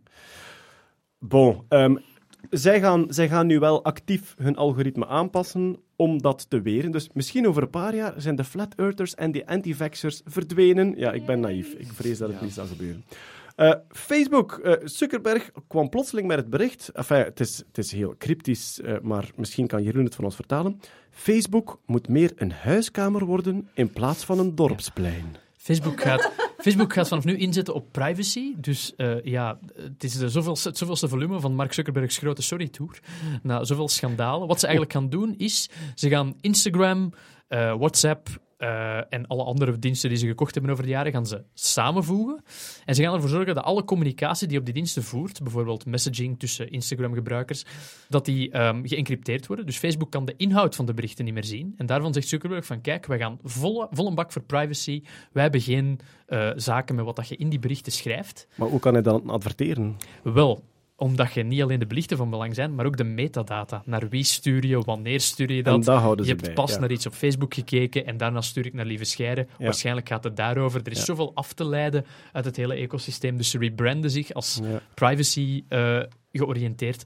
Maar het is de zoveelste truc om geld te verdienen aan uw gewoontes. Maar dus om, om, om zijn bond zonder naamzinnetje over de huiskamer en het dorpsplein te vertalen. Facebook is tot nu vooral een medium geweest waar dat je eh, publieke posts deed of posts binnen de vriendenkring. En dat noemt hij dus het dorpsplein. Hè. Ja. Je staat op het dorpsplein met 150 vrienden en je vertelt iets. En nu wil hij naar de huiskamer. Hij wil ook dat je tegen uw partner iets kan fluisteren dat die 150 niet kunnen horen. En dat is dan vooral via Messenger, denk ik, en via dat soort berichten. En nu wil hij daar vooral op inzetten, dat mensen terug vertrouwen hebben in ik kan op Facebook ook heel privé met iemand En een eh, hele gekke zet van een bedrijf dat zo in opspraak gekomen is met privacy. Van oké, uw publieke communicatie, yep, we fucked up. Wat we nu willen, is je intieme fluisteringen. heel raar. Ik zou ook heel graag hebben dat Twitter meer een brasserie in plaats van een café heb Meer af en een toe een bistro. hongertje. Na-. Na drie tweets krijg ik Ja. een hongertje en dan... We gaan van pitabar naar taverne. Ja. We- Al, alle horecatermen kunnen nu losgelaten worden op Silicon Valley. En dan, eh, het, ik denk dat het de eerste keer is dat hij voorkomt in het gorilla-nieuws. En dat is jammer, want het is toch een oppergorilla. De heer Trump. Ah, Eh, yes. sin- sinds kort te werk gesteld als eh, president van eh, Amerika. Hij komt hier natuurlijk niet omdat hij iets technologisch of wetenschappelijk zou verwezenlijkt hebben, maar omdat hij ehm, ja, een, een prachtige familienaam verzonnen heeft voor Tim Cook, is het denk ik? Heel kort, van, van Tim, Apple. Tim Cook, baas van Apple, was op bezoek bij Trump. En Tim Cook heeft net iets gezegd en Trump wil hem bedanken. En hij noemt de man, thank you very much, Tim Apple. en Tim het, Apple, ja. het, het zou grappig zijn zodat de eerste keer zijn dat Trump zoiets voor heeft, maar de man haspelt namen door elkaar en plaatsnamen. Een paar eh maand geleden stond hij op een plek in Amerika waar het net heel hard gebrand had. Oh ja. En, en eh, de het naam van de stad was Paradise, dus een, een stadje waar, waar het stevig gebrand had. Mhm. En hij noemt van, it's a city, beautiful name, uh, pleasure. dus, ja, Maar Tim Apple, het is toch tof, hè? Zo iedereen, iedereen noemen naar het bedrijf waar hij voor werkt. Ja, we zijn op, eh, Twitter zijn we zot gegaan, het was eh, Bill Windows. Eh, Ik snap niet wat je bedoelt, lieve fysica. Jeroen Kul. oh. Iemand zei al Jeroen Wombat, dus ja, ja, voilà. Jeroen Flamopjes. Wombat is toffer. Bart Druif. Eh, daarmee is al het eh, Musk-nieuws en het Silicon Valley-nieuws eh, afgesloten. En gaan we weer terug. We hebben nog een paar items staan waarmee we verder kunnen. Deze vond ik magnifiek schoon. Een Spaanse tiener, die geboren is zonder onderarm, die heeft zijn eigen prothese gebouwd van Lego Technics. En het ziet er echt fantastisch uit. Hij had, denk vorige maand had hij zijn derde gebouwd. Hij is begonnen als 11-jarige en nu is hij 18 of 19. En ja, die eerste was gewoon een Lego-arm. En dan is hij Lego Technics beginnen gebruiken. Nu zit daar een Mindstorm in met motoren. Door zijn bovenarm te bewegen kan hij zijn hand laten sluiten. Allee, ja, het, het, het ontroerend Ja, was Tony. Stark bestaat. Ja. Hij noemt ze ook MK1, MK2, MK3. Naar Ja. de Iron Man pakken. Mark Voilà. 1, Mark 2, Mark 3. Er, zijn ook, er zijn ook heel veel YouTube-filmpjes van, van die eh, beestjes die een poot of een arm missen, waar dat ze met Lego Technics ook zo juist, extra, ja, ja, extra ja. dingen van gemaakt. Dat is natuurlijk iets rudimentairder, Ja. maar enorm schattig om Ja, zo'n cavia te zien met zo'n Lego Technics En nog pootje. rudimentairder kende zo een draaiwieltje, bijvoorbeeld van onder aan een, aan een, aan een, aan een wieg of aan een park, zo, zo, zo een, een wieltje aan een, aan, een, aan een element dat kan draaien. Zoals de, de supermarktwagentjes. Ja, Ja, maar veel kleiner. Ja, ja. Veel een, kleiner. een zwenkwiel. Een zwenkwiel. Ik heb eens een schildpad gezien waar dat ze dat gewoon ingeboord hadden. Heerlijk. Poot. En die had dan zo één zwenkwiel van achter. Ah, prachtig. Ja. Schitterend. Ja, ja, ja. Eh, als je hem wilt opzoeken, hij heeft een YouTube-kanaal en dat heet... Hand Solo. Oh, Hey, mooi, kudos. Mooi, Ja, mooi. voilà. Je Eh, hoort van de advocaten van Disney. ja. Verder, eh, Stefanie, er, er is een nieuwe insuline-toedienmethode ontwikkeld. En daar wordt heel erg naar gezocht, sowieso, om te kijken hoe dat je voor mensen met eh, diabetes die, ehm, die injecties kan opvangen of verlichten, of zelfs een beetje kan opvangen dat je zelf moet in de gaten houden wat je niveau is. En er is nu een nieuwe methode. Ja, je kan je insulinespuit inslikken. Voor er ongevallen gebeuren, het gaat hem hier niet om de normale insulinespuit. Nee, Maar als het je lukt, respect. Respect voor de 15 minuten die u nog resten. Ja. Het is eigenlijk wel wat het zegt hoor. Het is een spuitje in een pilletje dat je inneemt en dat eens in de maag gaat geïnjecteerd worden aan de binnenkant van, ja, aan- in uw maagwand. Ja, ik heb, ik heb de pilletjes gezien, hè. ze staan online te bekijken. Het is eigenlijk, ja, je hebt zo het typische pilomhulsel, hè, zo dat Mhm. ovalen eh, dingetje. En het is daar, maar dan in, in doorzichtige vorm. En daarin zitten drie capsuletjes. En ze lijken een beetje op, ehm, je had vroeger die Franse reeks met zo reis door het lichaam. Il y avait une fois la vie. Voilà. En je had zo ook zo die kleine ruimtescheepjes die zo door Ja. je lichaam, daar lijken ze op. Ja. Dus ik vond het direct heel, heel poëtisch. En dus in uw, in uw maag lost die buitenkant op. En dan zijn er naaldjes die uw maagwand eigenlijk injecteren met die insuline. Het is te zeggen, er is één naaldje. Ze, waren al aan het experimenteren met van die pilletjes eh, waar dat een, een, een medicijn in zit met verschillende naaldjes waar je moet inslikken en dan je medicijn toedient. Ehm, in dit geval is er maar één. Want wat hebben ze gedaan? Ze hebben in plaats van een naald, hebben ze de insuline zelf hebben ze gevriesdroogd in de vorm van een naald.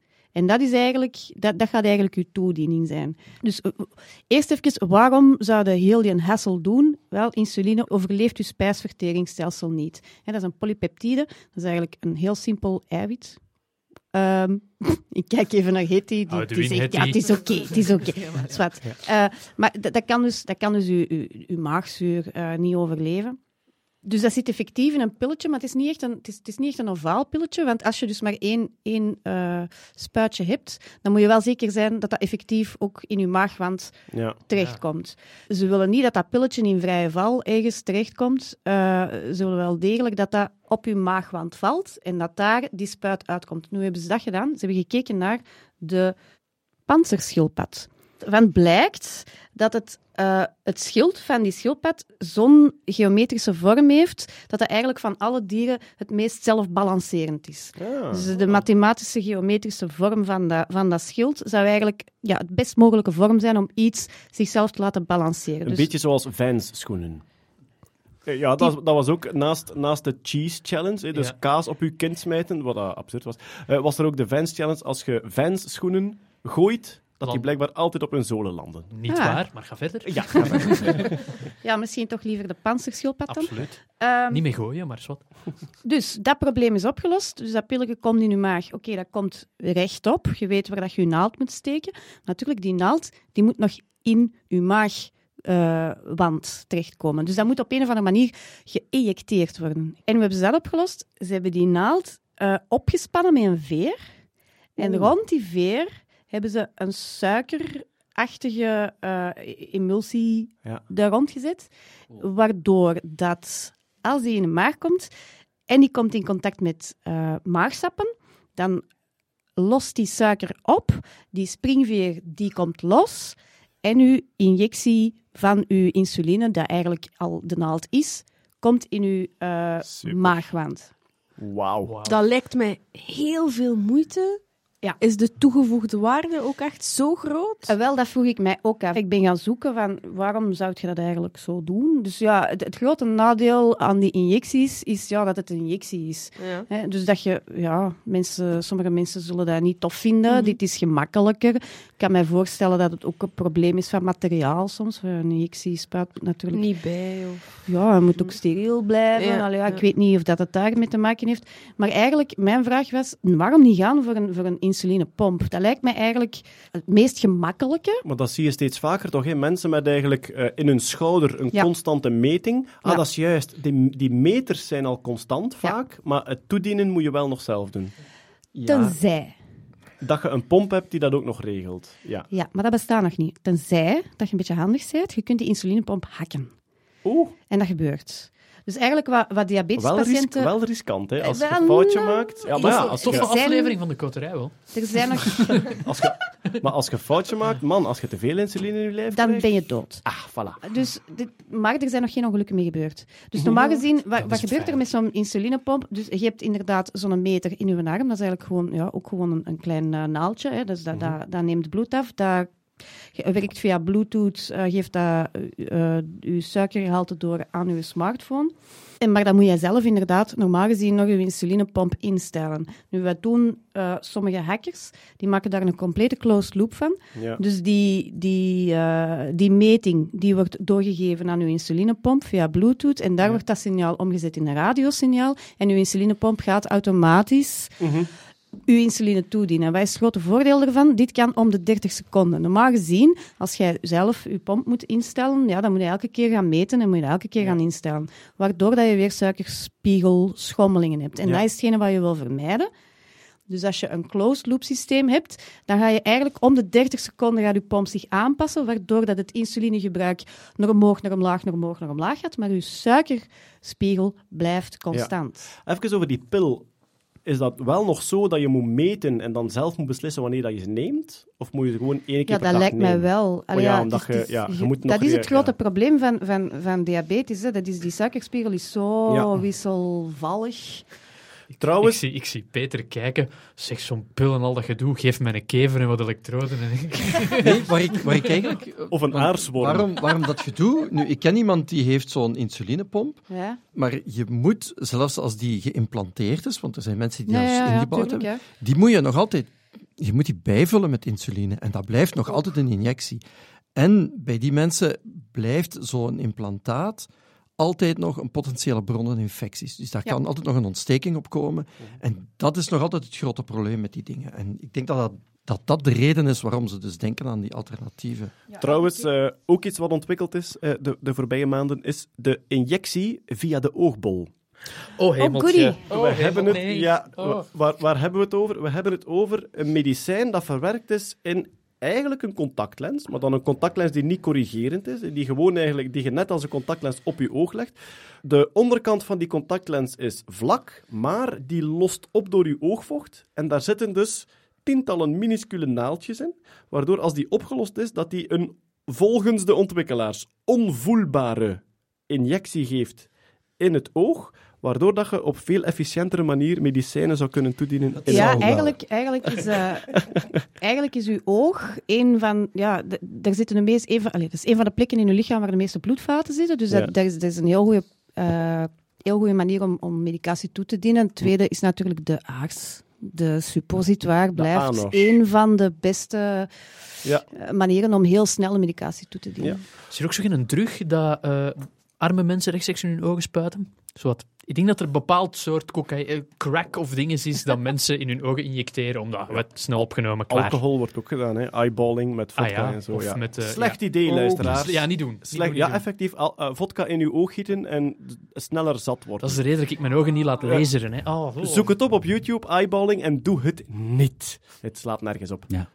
Nee, ik wou gewoon nog even zeggen, dus de serie, de animatieserie waar we over daarnet spraken, in het Nederlands soms ook wel Zo werkt je lichaam of Er was eens genoemd, dat is echt een fantastische reeks. Ik heb die volledige. DVD-serie, eh, eh, Ja. eh, DVD-reeks eh, thuis. Alleen, wat ik daar graag over wil zeggen, is dat ik dat heel complex vond. Alles is heel impliciet en het is, het is heel moeilijk te verstaan. En het enige dat ik daaruit bijgeleerd heb eigenlijk, is dat er in het hele lichaam liftmuziek speelt. Bekijk die animatiereeks niet op YouTube, want dan komt er van alles tussen. Ja, allerlei enge dingen, ja. Oké. Ehm, Jeroen, Oh, hemeltje, ja. er is weer nieuws uit het dierenrijk. Ehm, Oh, en of. Dan, heb je altijd, dan hebben wij altijd ja, uw volledige aandacht. Wat is er deze keer gebeurd? Oh, dit verhaal heeft alles. We hebben een zeeleeuw.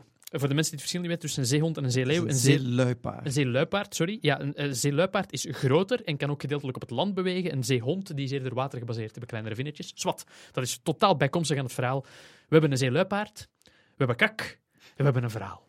Eh, combineer ze voor ons. Ja. We spreken 2017. In Nieuw-Zeeland is er een centrum dat zich bezighoudt met maritieme dieren. En daar wordt gecontacteerd. Oh hemeltje, er zit hier een, zieke, een ziek zeeluipaard op het strand. Kom er eens naar kijken. Een onderzoeker gaat naar die zeelu- zeeluipaarden kijken, vindt daar een beetje kak en neemt die mee voor onderzoek. Want dat is wat ze doen om de de- zeeluipaarden te onderzoeken. Om de ziekte te zoeken in de uitwerpselen. Klopt. Ja. Nu, eh, dat, dat, dat centrum had een beetje backlog, dus die kak wordt eerst ingevroren en wordt maar pas een jaar en een half later eh, ontvroren om die te bekijken. Nu, Ja, maar dan kunnen dat zeelepaard toch niet meer helpen? nee, maar je kunt misschien wel iets over de Ja, populatie maar ze, zeggen. doen, over ze, de... doen, ze doen ook onderzoek naar de populatie, inderdaad. En die kak wordt ook geanalyseerd om te kijken wat die beesten eten. Ja, ja, oké. Peter is ook enthousiast, maar het is mijn kakverhaal. Ja, ja. Dus, eh, Bedankt om aan te vullen, Peter. We hadden het alle twee gezien en ik ben blij dat je het scatologische voordeel aan mij geeft. Dank u wel. Dus ze ontdooien die kak om die te onderzoeken. Nu wat blijkt, in die kak, in de kern van die kak zit een USB-stick. Een stuk plastic dat ze identificeren De als een USB-stick. Dus in de Nu- kak van het zeelepaard, dat al anderhalf jaar ingevroren is, Ja, zit een USB-stick. klopt. Waarom Ik hoor nu zo? Ethan, this mission, should you choose to accept it? Nu, die onderzoekers, wat doen die met die USB-stick? Wat dat je doet met een USB-stick die dat je vindt, die stikt die in je computer. en wat vinden ze daarop? Ah, die USB-stick die werkt nog na drogen. En daar staan een hele hoop foto's op van een zeeluipaard.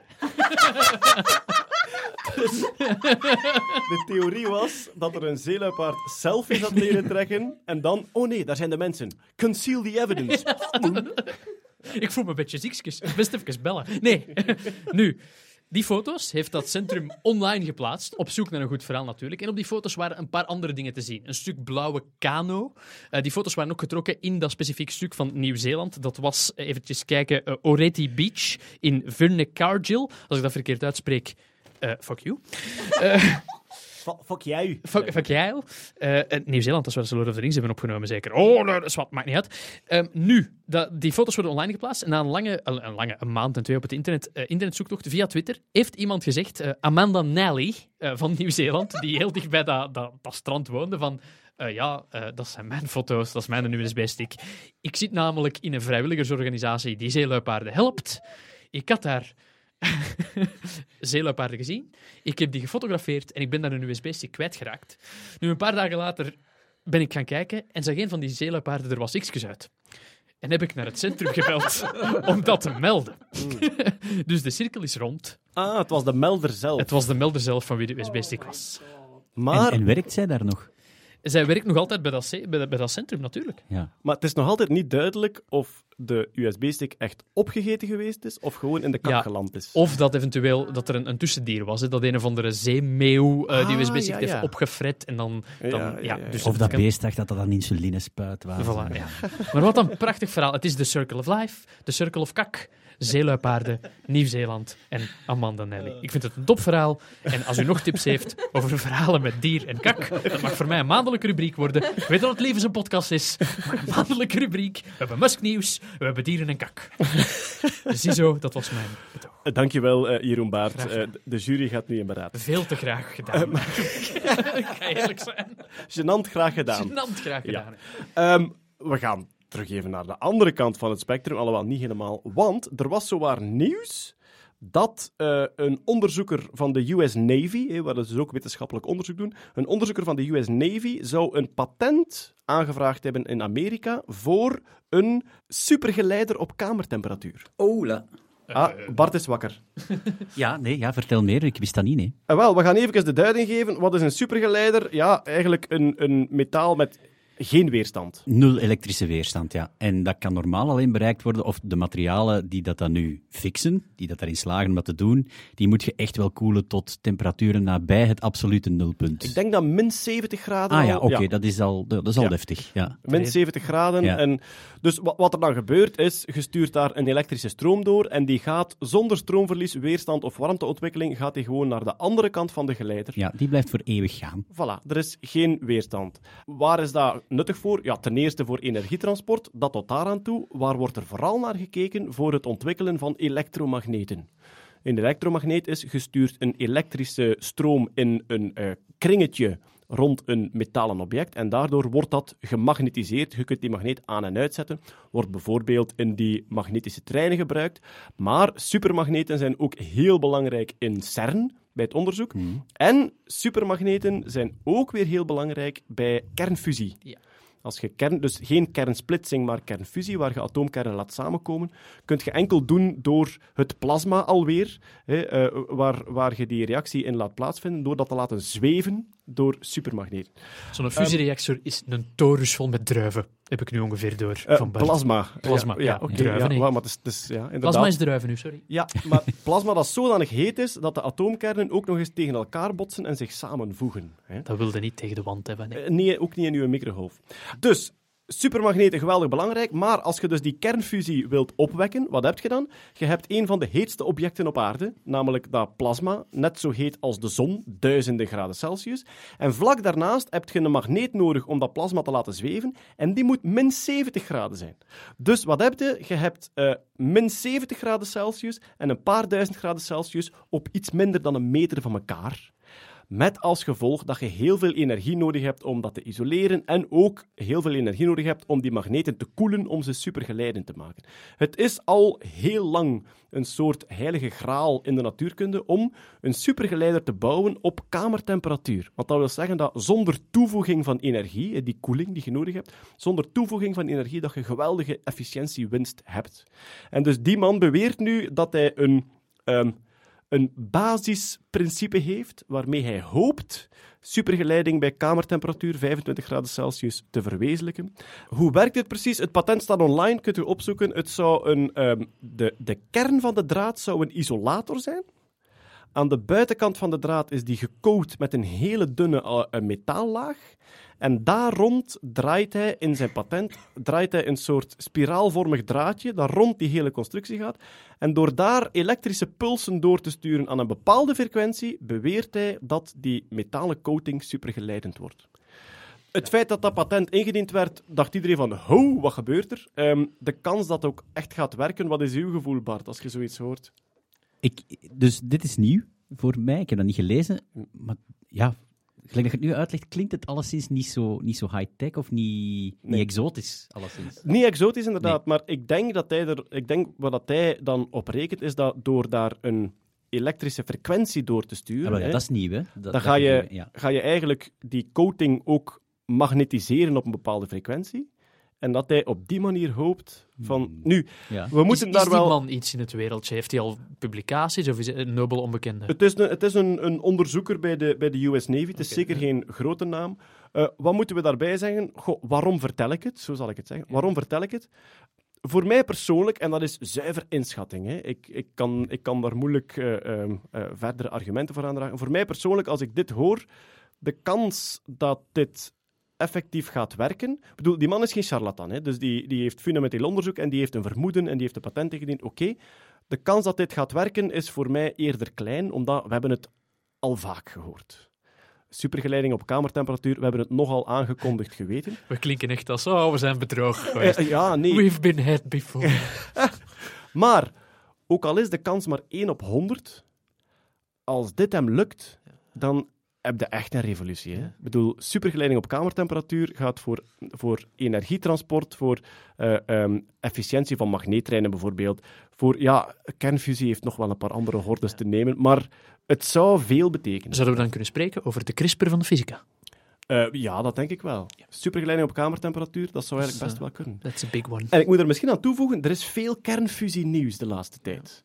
Ehm, kernfusie is dus in plaats van een zware atoomkern te splitsen en daar energie uit te halen, ga je lichte atoomkernen samenvoegen en daar komt ook energie bij vrij. Het is een eh, veel properder kernenergievorm dan kernsplitsing. Ook geen 100%, hè, want nee, nee, nee, nee. er worden vaak sprookjes verteld. Allee, bij kernfusie heb je nog altijd kernafval, maar veel minder en veel minder lang eh, eh, radioactief. En de laatste tijd, dus kernfusie wordt al voorspeld van sinds de kernsplitsing er is. En ze zeggen eigenlijk al 60 jaar, over 50 jaar gaan we het hebben. De energie van een planeet in je zak. Eh, dat, dat is het grote, eh, het Ja. grote beeld dat ervan wordt Ja. opgehangen. Ze zeiden altijd over 50. Dus ja, eigenlijk in de jaren 50 zeiden ze over 50 jaar hebben we kernfusie. En vandaag zeggen ze nog steeds over 50 jaar hebben we kernfusie. Maar er beweegt wel een en ander. Eh, er is een nieuwe reactor, eh, ja, zo die tokamak-reactoren enzovoort. Er zijn nieuwe vormen van reactoren ontwikkeld die efficiënter zouden zijn. Er wordt terug met laserreactoren gewerkt, die een beetje anders werken dan die, dan die eh, donutvormige reactoren. En er wordt geweldig in geïnvesteerd. Onder andere door Bill Gates en Jeff Bezos. Die zitten vol op de kernfusie. Deels ook omdat het moet. Hè. Ik wil me niet, allee, we gaan de hele klimaatdiscussie hier niet binnentrekken, maar ik denk dat er ergens ook wel een vernieuwde aandacht is in de zin van, ja, we gaan alternatieven nodig hebben. Ja. En we gaan er niet alleen komen met, met de wind en zon. Klopt, eh, we gaan alternatieven nodig hebben, maar ehm, ja, we, we moeten blijven zoeken naar die kernfusie. Maar erop rekenen, dat gaat geen zinnig mens meer durven. Als je zegt van, komt allemaal goed, want er komt kernfusie. Ja, dat kunnen we niet meer Ze doen. proberen die in tokamak al twintig jaar aan te steken, denk ik. Ja, Wij hadden toch een prof die in ons altijd eh, influisterde, jullie gaan dat doen, hè. kernfusie. Professor Matthijs, weet je Ah ja. Ja. Ja, dan moet, ja, jullie generatie gaat dat doen. Jullie, genera- jullie, jullie zijn de, de kinderen van het licht, hè. De Jullie- gaan, eh, jullie gaan ker- koude kernfusie, jullie gaan dat doen, hè. Ja, professor Matthijs, fantastisch figuur. Zou die nog Absoluut. les geven? Ik weet het niet. Ehm, dat weet ik niet. Professor Matthijs, geeft u nog les? Ja. En hier, zit, hier, zit, eh, hier zitten jullie nu, kinderen van het licht. Ja. Maar, dus, eh, supergeleider, we gaan zien over een paar jaar hè, of, of er iets van komt. Maar kernfusie is... eh, ja, kernfusie ga ik wel in de gaten houden. Eh, Ja. Je kunt daar echt geen... Ja, Ik zou dat het in de nee, gaten. ik bedoel het kernfusie nieuws. Ja, Je ja ik kunt vind daar- dat sowieso... Het is, soms, het, is, het is soms moeilijk om het te scheiden van wishful thinking, maar het blijft wel een fantastisch interessant Het is, concept. het is typisch een geval van kans maal gevolg. Ja. Hè? Kans maal gevolg is iets heel moeilijk, vind ik zelf. Het, is, het is contra-intuïtief bij de mens. Bijvoorbeeld, de kans dat je sterft door een meteorietinslag is groter dan door een vliegtuigongeval. Ook al is er in de voorbije eh 2000 jaar bijna niemand gestorven door een meteorietinslag. Maar als een meteoriet inslaat die de hele wereld vernietigt, dan sterven er 8 miljard mensen. En een hele kleine kans maal 8 miljard is nog altijd groter dan een jaarlijkse kans van een paar honderd. Dus eh, kans maal gevolg is moeilijk. En de kans op dat kernfusie lukt, ja, ik, ik geef ze zelfs geen 50%. Maar als het lukt, dan zetten we wel een groot stapje. Ja, dat is waar. Zeg, lieven, wat supergeleiding betreft en het koelen van magneten enzovoort om dat te bekomen. Mhm. ik heb mij, we zijn ooit naar CERN geweest eh, met de fysici. Ja. En ehm, ik heb mij toen laten vertellen dat die detector, voordat die de grond ingaat, dat die eigenlijk enkele meters te lang is. Dus dat is een cirkel plus enkele meters. En dan wordt die gekoeld. En dan krimpt die tot de juiste... Tot de juiste dan krimpt die tot exact één cirkel. Super. Eh, maar, maar ik zou het graag bevestigd horen door, door de luisteraars van CERN. Dus alle luisteraars Ja. van CERN. Uh, tous les, uh, les écouteurs de... Ja, pas op, het is er allemaal in het Engels. Ah, ja, ja. Ah, oké. All the luisteraars from... All the, from, from CERN. Uh, CERN. you give us a little belleken. En, Maar uh, dus iedereen met opmerkingen kan mailen Absoluut, naar ja. podcast.nerdland.be of tweeten onder de hashtag Nerdland. Hetty, het aantal letters van DNA is verdubbeld. Wat? Ja, Wel, eh, nee, van dus vier naar acht. Biologisch, biologisch DNA wordt geschreven in vier letters, Ja. A, G, T en C. En wat hebben ze nu eigenlijk gedaan? Want ze hebben, ze hebben erbij verzonnen. Ja, ze hebben er inderdaad vier synthetische bij verzonnen en ze hebben daar een stabiele structuur uitgemaakt. Opnieuw zo'n dubbele helix, zo'n dubbele spiraal met acht verschillende bouwstenen in plaats van met vier. Ze hebben dat toch niet gewoon gedaan door letters samen te pakken en dan die, die twee samenvoegselen een nieuwe letter toe te kennen, snap je? het Oké, zijn- ja, nee, want nee, dat zijn nieuwe, 16 nieuwe, bazen, ja. nieuwe bazen en nieuwe Dus Ja. om, het, om het dan... te- dus we zien... de- Iedereen heeft wel een beeld van die Ja, dubbele het zijn, helix. het zijn de trapjes. Ja, iedereen heeft een beeld van die dubbele Ja, helix. klopt. Die spiraal aan de buitenkant geeft enkel structuur. Ja. En de tredig is inderdaad, Bart, die tussen de twee lopen. Daar zitten uw letters op. Ja? En dat zijn bazenparen, Mhm. A, G, T en C. En ze hebben er dus nieuwe ontwikkeld. En begrijp ik het dan goed dat ze die echt kunnen inbouwen in diezelfde DNA-moleculen die in ons lichaam voorkomt? Ja, ja, het is niet, nog niet biologisch actief natuurlijk, Ja. maar het is inderdaad een structuur die bestaat uit een combinatie van ACTG en ook de vier nieuwe SPZMB. Oké, we kunnen langere tekstjes schrijven. Ja. En, en jij kunt al uw nerdy t-shirts laten herdrukken, was Ja, mijn initiële reactie. Maar wel heel belangrijk, het is synthetisch natuurlijk. Het is eh, niet iets dat in de natuur gevonden is of zo. Eh, ze hebben het Hachimoji-DNA eh, gedoopt. Hachi van acht en moji van letter, blijkbaar in het Japans. Ehm, waarom doen ze dat? Ze zijn eigenlijk eh, op zoek naar een beetje het antwoord op de hamvraag. Is het biologisch systeem zoals wij dat kennen, namelijk al het leven op aarde is gebaseerd op die vier letters, is dat toeval. Francis Crick, een van die twee ontdekkers van de structuur van Watson en Crick, heeft altijd gezegd: volgens mij is het een frozen accident. Volgens mij is op een bepaald moment in de evolutie iets bevroren geraakt, figuurlijk dan, hè, en is daar gewoon het hele leven uit ontstaan. Maar kon het in theorie ook best wel met andere chemische elementen of combinaties Dus- eh, gebeurd zijn. Hij zegt er waren vele mogelijkheden Ja. en op aarde zijn we hierop uitgekomen, maar stel dat er elders leven is, gaat dat totaal anders Ja, bijvoorbeeld. Of stel dat de condities hier op aarde anders geweest waren, in een bepaald Ja, tijdsvak kon het anders geweest zijn. Dus dit lijkt nu dan voor het eerst toch te wijzen op, er zijn andere mogelijkheden binnen diezelfde chemie, hè, die koolstofchemie, eh, om een stabiele structuur eh, te gaan bouwen. Ehm, vooral interessant nu naar de DNA data storage toe, hè, waar we het hier ook al een paar keer over gehad hebben, dat je nu plots met acht letters zit en dus veel meer verschillende combinaties kunt gaan coderen dan op basis van vier. En daar kijkt men ook naartoe. Ik ben nog altijd op zoek naar die Massive Attack verf met, eh met Ja. z'n één in. eh, Ja, ik heb ze ook gezocht, ze wordt blijkbaar Ja, ze niet wordt niet meer verkocht. Zeg maar, is dat, is dat, hebben ze dat zodanig gemaakt dat dat net wel of net niet biologische functie heeft ook? Ik bedoel, kan daar iets uitkomen? En Wel, op dit moment zijn ze dus bezig met te proberen. Hè, het het eh, dogma, centrale dogma van de moleculaire biologie is DNA wordt omgezet in RNA en RNA wordt vertaald in eiwitten. Op dit moment zijn ze bezig met die vertaling van dat synthetische DNA naar RNA en dat blijkt ook te lukken. Ah, Wel, dus wat je, het, het, als, je, als je het volledige systeem bekijkt, je hebt dus al je lettertjes van je DNA, al Ja. die A, T, G en C'tjes op een rij. Elke drie letters zijn de code voor één aminozuur. Maar dat is ook in uw cel is dat eigenlijk biologisch vastgelegd, omdat uw aminozuur hangt ook vast aan een dragertje dat ideaal koppelt aan die drie Aan letters. drie letters. Dus het is een soort systeem dat zichzelf bevestigt. Dus als je nieuwe letters bijverzint, zouden ook moeten nieuwe dragertjes, waar dan een aminozuur Ja. aan hangt, moeten kunnen Exact, bijverzinnen. exact. Ah, ja. Nieuwe aminozuren en nieuwe dragers. Maar als je die stap dus niet doet, dan heb je op deze moment een soort van skelet waarmee dat je kapot DNA een soort van tussenstukje in zou kunnen... Bijvoorbeeld, of er zijn ook een aantal systemen die werken op basis van DNA en RNA. Het zijn niet alleen onze eiwitten die een functie hebben, maar RNA zelf heeft ook een functie in het afbreken van bepaalde allee, andere moleculen en zo. Dus die kunnen op zich wel een, een functie krijgen in, in, ehm, in de biologie of in de medische wereld. En net het voordeel daar is dat ze een verschil hebben met wat natuurlijk is. En dat je ze op een bepaald moment zou kunnen inzetten als, ja, als een niet-natuurlijk geneesmiddel of, of iets. En welke, eh, ja. welke letters waren het, Eddie? S, P, Z en B. Begin maar eh, te puzzelen. Ja, eh, ik ben, ik ben, echt, ik ben, ik ben eh, laten we zeggen, expliciete woorden aan het proberen te vormen, maar ik, ik kom er niet. Maar, ehm, dus je zou eigenlijk kunnen zeggen, Bart, dus is, dat, is dat nu biologisch actief? Nee, totaal niet, omdat uw aminozuren Er gaan is enkel... meer nodig. Ja, dus Ja. uw aminozuren gaan enkel maar kunnen koppelen aan die letters die nu actief zijn in de biologie. Je zou kunnen zeggen, je hebt de MP3 uitgevonden, maar er is nog geen enkele software die MP3's kan lezen. Ja. Dus als je wilt dat dat biologisch actief is, moet je heel je celsysteem aanpassen, zodat dat aminozuren ook kunnen vastklikken aan nieuwe letters. Ja, maar nogmaals, RNA op zich kan ook wel biologisch actief zijn. Ah, dus je natuurlijk, hebt niet ja, altijd ja. eiwitten nodig om een functie te hebben, maar goed. Zo'n eh, RNA-string kan ook vormen voilà. aannemen die Ja. echt een functie En uitoefenen. enzymatische Ah, reacties Ah, versnellen. En, eh, ja, ja, absoluut, absoluut.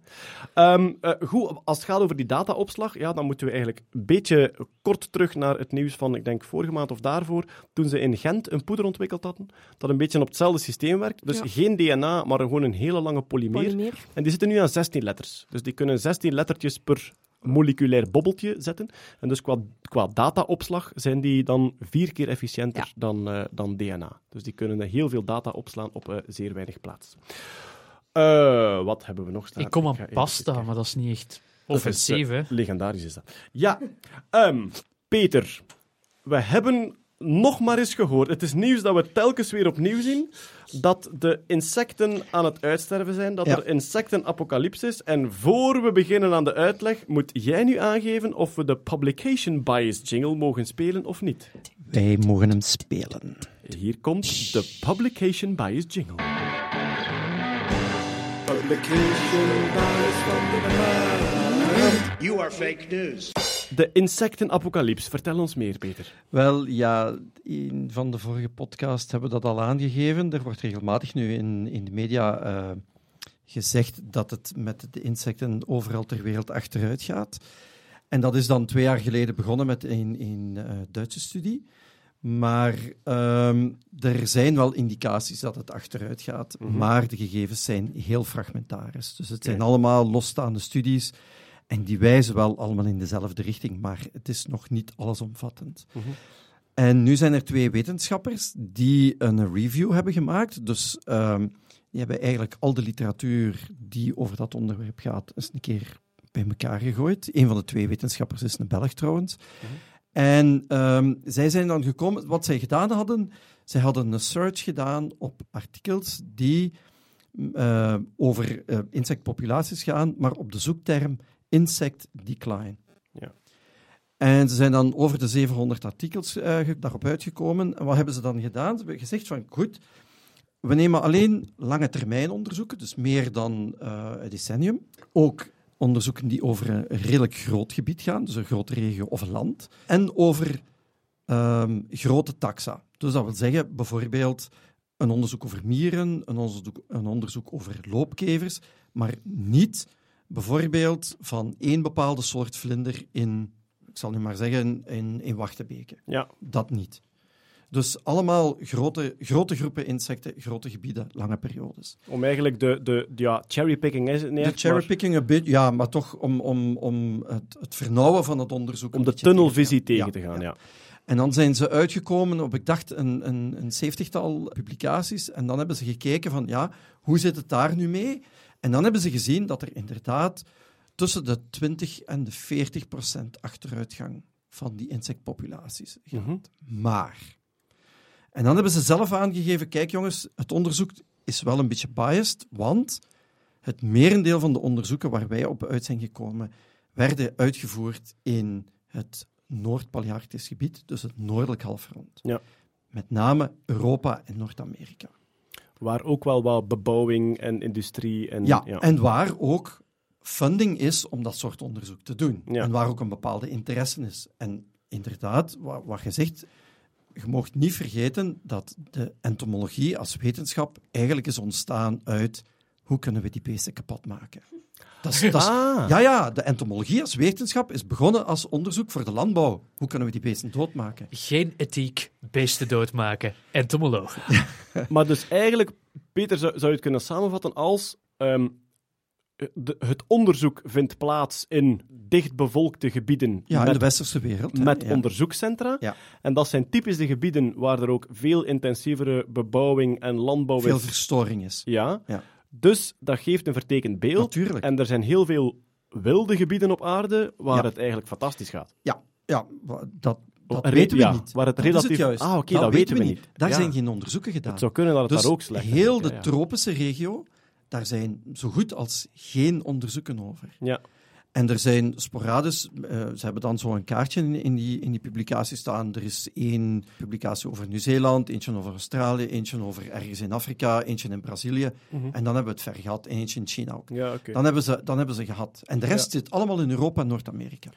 Dus ze geven zelf al aan, kijk, we kunnen geen conclusies trekken over de mondiale Ja. potentiële achteruitgang van insecten. Want er is gewoon niet genoeg data. Dus het gaat steeds slechter, maar we kunnen eigenlijk niet zeggen... We kunnen nog niet spreken van een apocalypse, echt. Ja, nee, nee niet wereldwijd, want dat is niet duidelijk. En, Ja. Maar dan is er ook kritiek op dat onderzoek zelf. Dus ze zeggen van, ja jongens, maar jullie zijn zelf niet zorgvuldig genoeg geweest. Hm. Dat insect decline is veel te nauw gekeken. Ja, ja. En wat je eigenlijk had moeten doen, ook in de, in, de, in, de, in de gebieden waar het nu al onderzocht is, je hebt geen niet verstoorde gebieden bekeken. Mhm. Er is geen controle. Ja. Ja, Dus ja. ja, Oké. Er was ook in Leuven een ontdekking om efficiënter waterstof te produceren. Ja. Waterstof wordt heel vaak gezegd van, we kunnen daar energie in opslaan, we kunnen daarop rijden, maar het is nog altijd waterstof, en dat, dat is heel belangrijk om erbij te zeggen, waterstof is een energiedrager en is geen energiebron. Eh, als je steenkool of olie uit de grond haalt, dan zit daar energie in. Waterstof moet je creëren, dus je energiebron moet elders vandaan komen. En Ja, dat is dat elektrisch, elektrisch meestal. meestal. ja, ja, En nu is er in Leuven zelfs... Ja, en dat zou een wereldprimeur zijn. Dus wat ze hebben gedaan is, ze hebben waterstof geproduceerd door middel van elektrolyse van water, zoals het meestal gebeurt. Je zet gewoon twee elektrodes in water en als je er stroom op zet, dan gaat aan de ene elektrode zuurstof komen en aan de Ja. andere waterstof. Mhm. Maar dat wordt dan meestal met, eh, dat wordt dan met- via elektriciteit gedaan. En als je dat dan uit hernieuwbare energie zou halen, bijvoorbeeld zonnepanelen, dan heb je daar een hele schakel tussen. Hè. Je moet eerst je, je licht omzetten naar elektriciteit. Dat is al Mhm. maar met een efficiëntie van 15%. Ja, zonnepanelen is laag, ja. Ja. inderdaad. Ja. Dan heb je nog je converter, die dus die gelijkstroom om moet zetten naar wisselstroom. En dan heb je nog, je hebt dan nog, eh, oké, nog, Ja. nog een aantal andere Bekabeling ertussen. Ja, eh, al die, dingen, ja. al die dingen. Zelfs de elektrolyse zelf is, is een bepaald verlies. Want zon, de, de zon straalt in optimale omstandigheden ongeveer 1000 watt per vierkante meter. Ja, zoiets. Iets Ja, ja. meer als, Ja. eh, als, als ze boven aan de hemel staat. Ja. 1000 watt per vierkante meter, dat haal je nooit uit je zonnepaneel, Nee. omdat je heel veel efficiëntieverlies hebt. Ja. Maar wat hebben ze nu gedaan? Het is, het is vrij ingewikkeld, want zij kunnen, en dat, dat, dat vond ik heel bijzonder, zij halen de waterstof uit de watermoleculen die in de lucht zitten. Dus het gaat niet over, we steken twee elektroden in een potje en we hebben een heel efficiënt systeem Ja. om daar zonnepanelen aan te koppelen. Daar gaat het eigenlijk blijkbaar niet over. Zij hebben een soort energiecel gebouwd waarbij de, de twee elektrodes tegen elkaar zitten. Ja. De ene gaat de, eh, de- het licht capteren en de andere gaat de, de, de energie eigenlijk al dadelijk omzetten om die waterstof eruit te halen. En is dat, is dat, wordt die elektriciteit opgewekt zoals een zonnepaneel? Ja, daar zitten zonnepanelen Ja, op. het is een Ja, zonnepaneel. Maar het is, er- heel, het is heel direct. Het, is, het systeem blijkt zo efficiënt te zijn dat het compleet geïntegreerd wordt. Daar zit, daar zit eigenlijk bijna geen, daar zit geen converter of niks, denk ik. Ja, ja. Zo, zoals ik het heb gelezen, toch? Daar zit bijna geen tussenschakels in. Door die keten zo kort te maken, Ja, verliest ja. je En- die inefficiëntie. Ja, en dus blijkbaar gewoon uit waterdamp. Waterdamp, Ja, ja. dat Dus vind ik- je kunt dat overal ter wereld gebruiken. Ja, en Professor ja, Johan Martens van Ja. oppervlakte chemie en katalyse. in Ja, wel, eigenlijk, eh, het zit een beetje in de categorie van de, de, de supergeleidingen bij kamertemperatuur, als dit kan. Hè, want Ja. ja. ja, we hebben dat hier nog al verteld, een elektriciteitsnet heeft altijd evenveel voeding nodig als er afname is. Dus je kunt niet zeggen, we steken nu wat meer stroom op net dan dat er afgenomen wordt, Ja, want dan ontploft alles. Dat is, ja. Dus opslag van energieoverschot is geweldig belangrijk. en als dit dat, dat- is, dat is eigenlijk de sleutel tot, Ja. tot alternatieve energie. Hè? Of brandstof maken in de woestijn en die dan transporteren. Ja, voilà. Het is grappig dat je dat zegt. Over watergas is het energiedrager, want hier zijn politici die dag pas opgesprongen met ernaast te gaan staan en te zeggen van ah ja, wij bij CD&V of Open VLD vinden inderdaad eh, waterstofgas als energiebron vinden we super, super goed gedaan, eh, wetenschappers. eh. Ja. Nu, er is natuurlijk wel een probleem. Waterstof is, is zeer brandbaar. En- Onstabiel, ja. Maar er Ja. zijn manieren om dat op te slaan. Ja, voilà. Dus je kan dat bijvoorbeeld in, ehm, ik dacht in poreus metaal. Ja, kan dat, je dat, er wordt kan je dat onderzoek naar opslaan. gedaan. Ja, ja. Dat, dat is heel boeiend aan onze tijd. Dat wij, wij zitten nu in een soort race van de energiebron van de toekomst. Elektrisch, waterstof, eh, eh, brandstofcellen met waterstof. Dan eh, supercondensatoren waren vroeger hot, maar die zijn nu weer eh, verdwenen. Supercondensatoren waren Dus, hot. enfin, we, gaan, we, gaan daar later, we gaan daar later op terugkijken als zijnde van eh, wie heeft er gewonnen. En toen wisten ze het nog niet. Maar we zijn vandaag begonnen met de verjaardag. We gaan ook eindigen met een verjaardag. Het WWW is jarig. Ja, Hoe oud is het WWW, het WWW geworden, is Jeroen? wel, or- eh, het is in 1990 voor het eerst geschreven, dus dan moet ik even denken. Ah, in 89 zal het dan, het is 20 jaar oud nu. Ja. In, in 89 is een, een Nee, eerste 40. versie. eh, eh, 30, ja. 30 jaar. Ik ben, 30 van, ik ben van 87 en ik ben verschrikkelijk jong, dus ja, ja 30 jaar oud. Eh, geschreven door Tim Berners-Lee en eh, Robert Carriot, een Belg. eh, Robert weg, een, ja. een, een Belg inderdaad, die hier in Gent ook gestudeerd heeft en waar mijn pa soms pinten mee ging pakken. Maar dan moet ik er nog even... Ik, ik vraag het even aan u. Dus je hebt het, het World Wide Web. Ten eerste, het internet is iets anders. Hè. Het Ja, internet, anders, ja. dat zijn de kabels die verbonden zijn. En daar is ook veel discussie over. Komt dat van het Amerikaans leger of van de wetenschappers? Dat weten ze allemaal niet. Maar gewoon www.domeinnaam. eh, achtervoegsel slash en dan nog iets. Dat is echt gewoon code die geschreven is op CERN Ja. door Tim Berners-Lee. Ja. Robert Caillot was, ehm, ik weet het niet, zijn, zijn chef, denk ik. Dat weet ik ook niet goed. Ze kenden Want- elkaar. Want hoe, Robert Caillot is een Belg, Tim Berners-Lee is een Brit. Ehm, Robert Caillot wordt eigenlijk enkel in België erbij genoemd.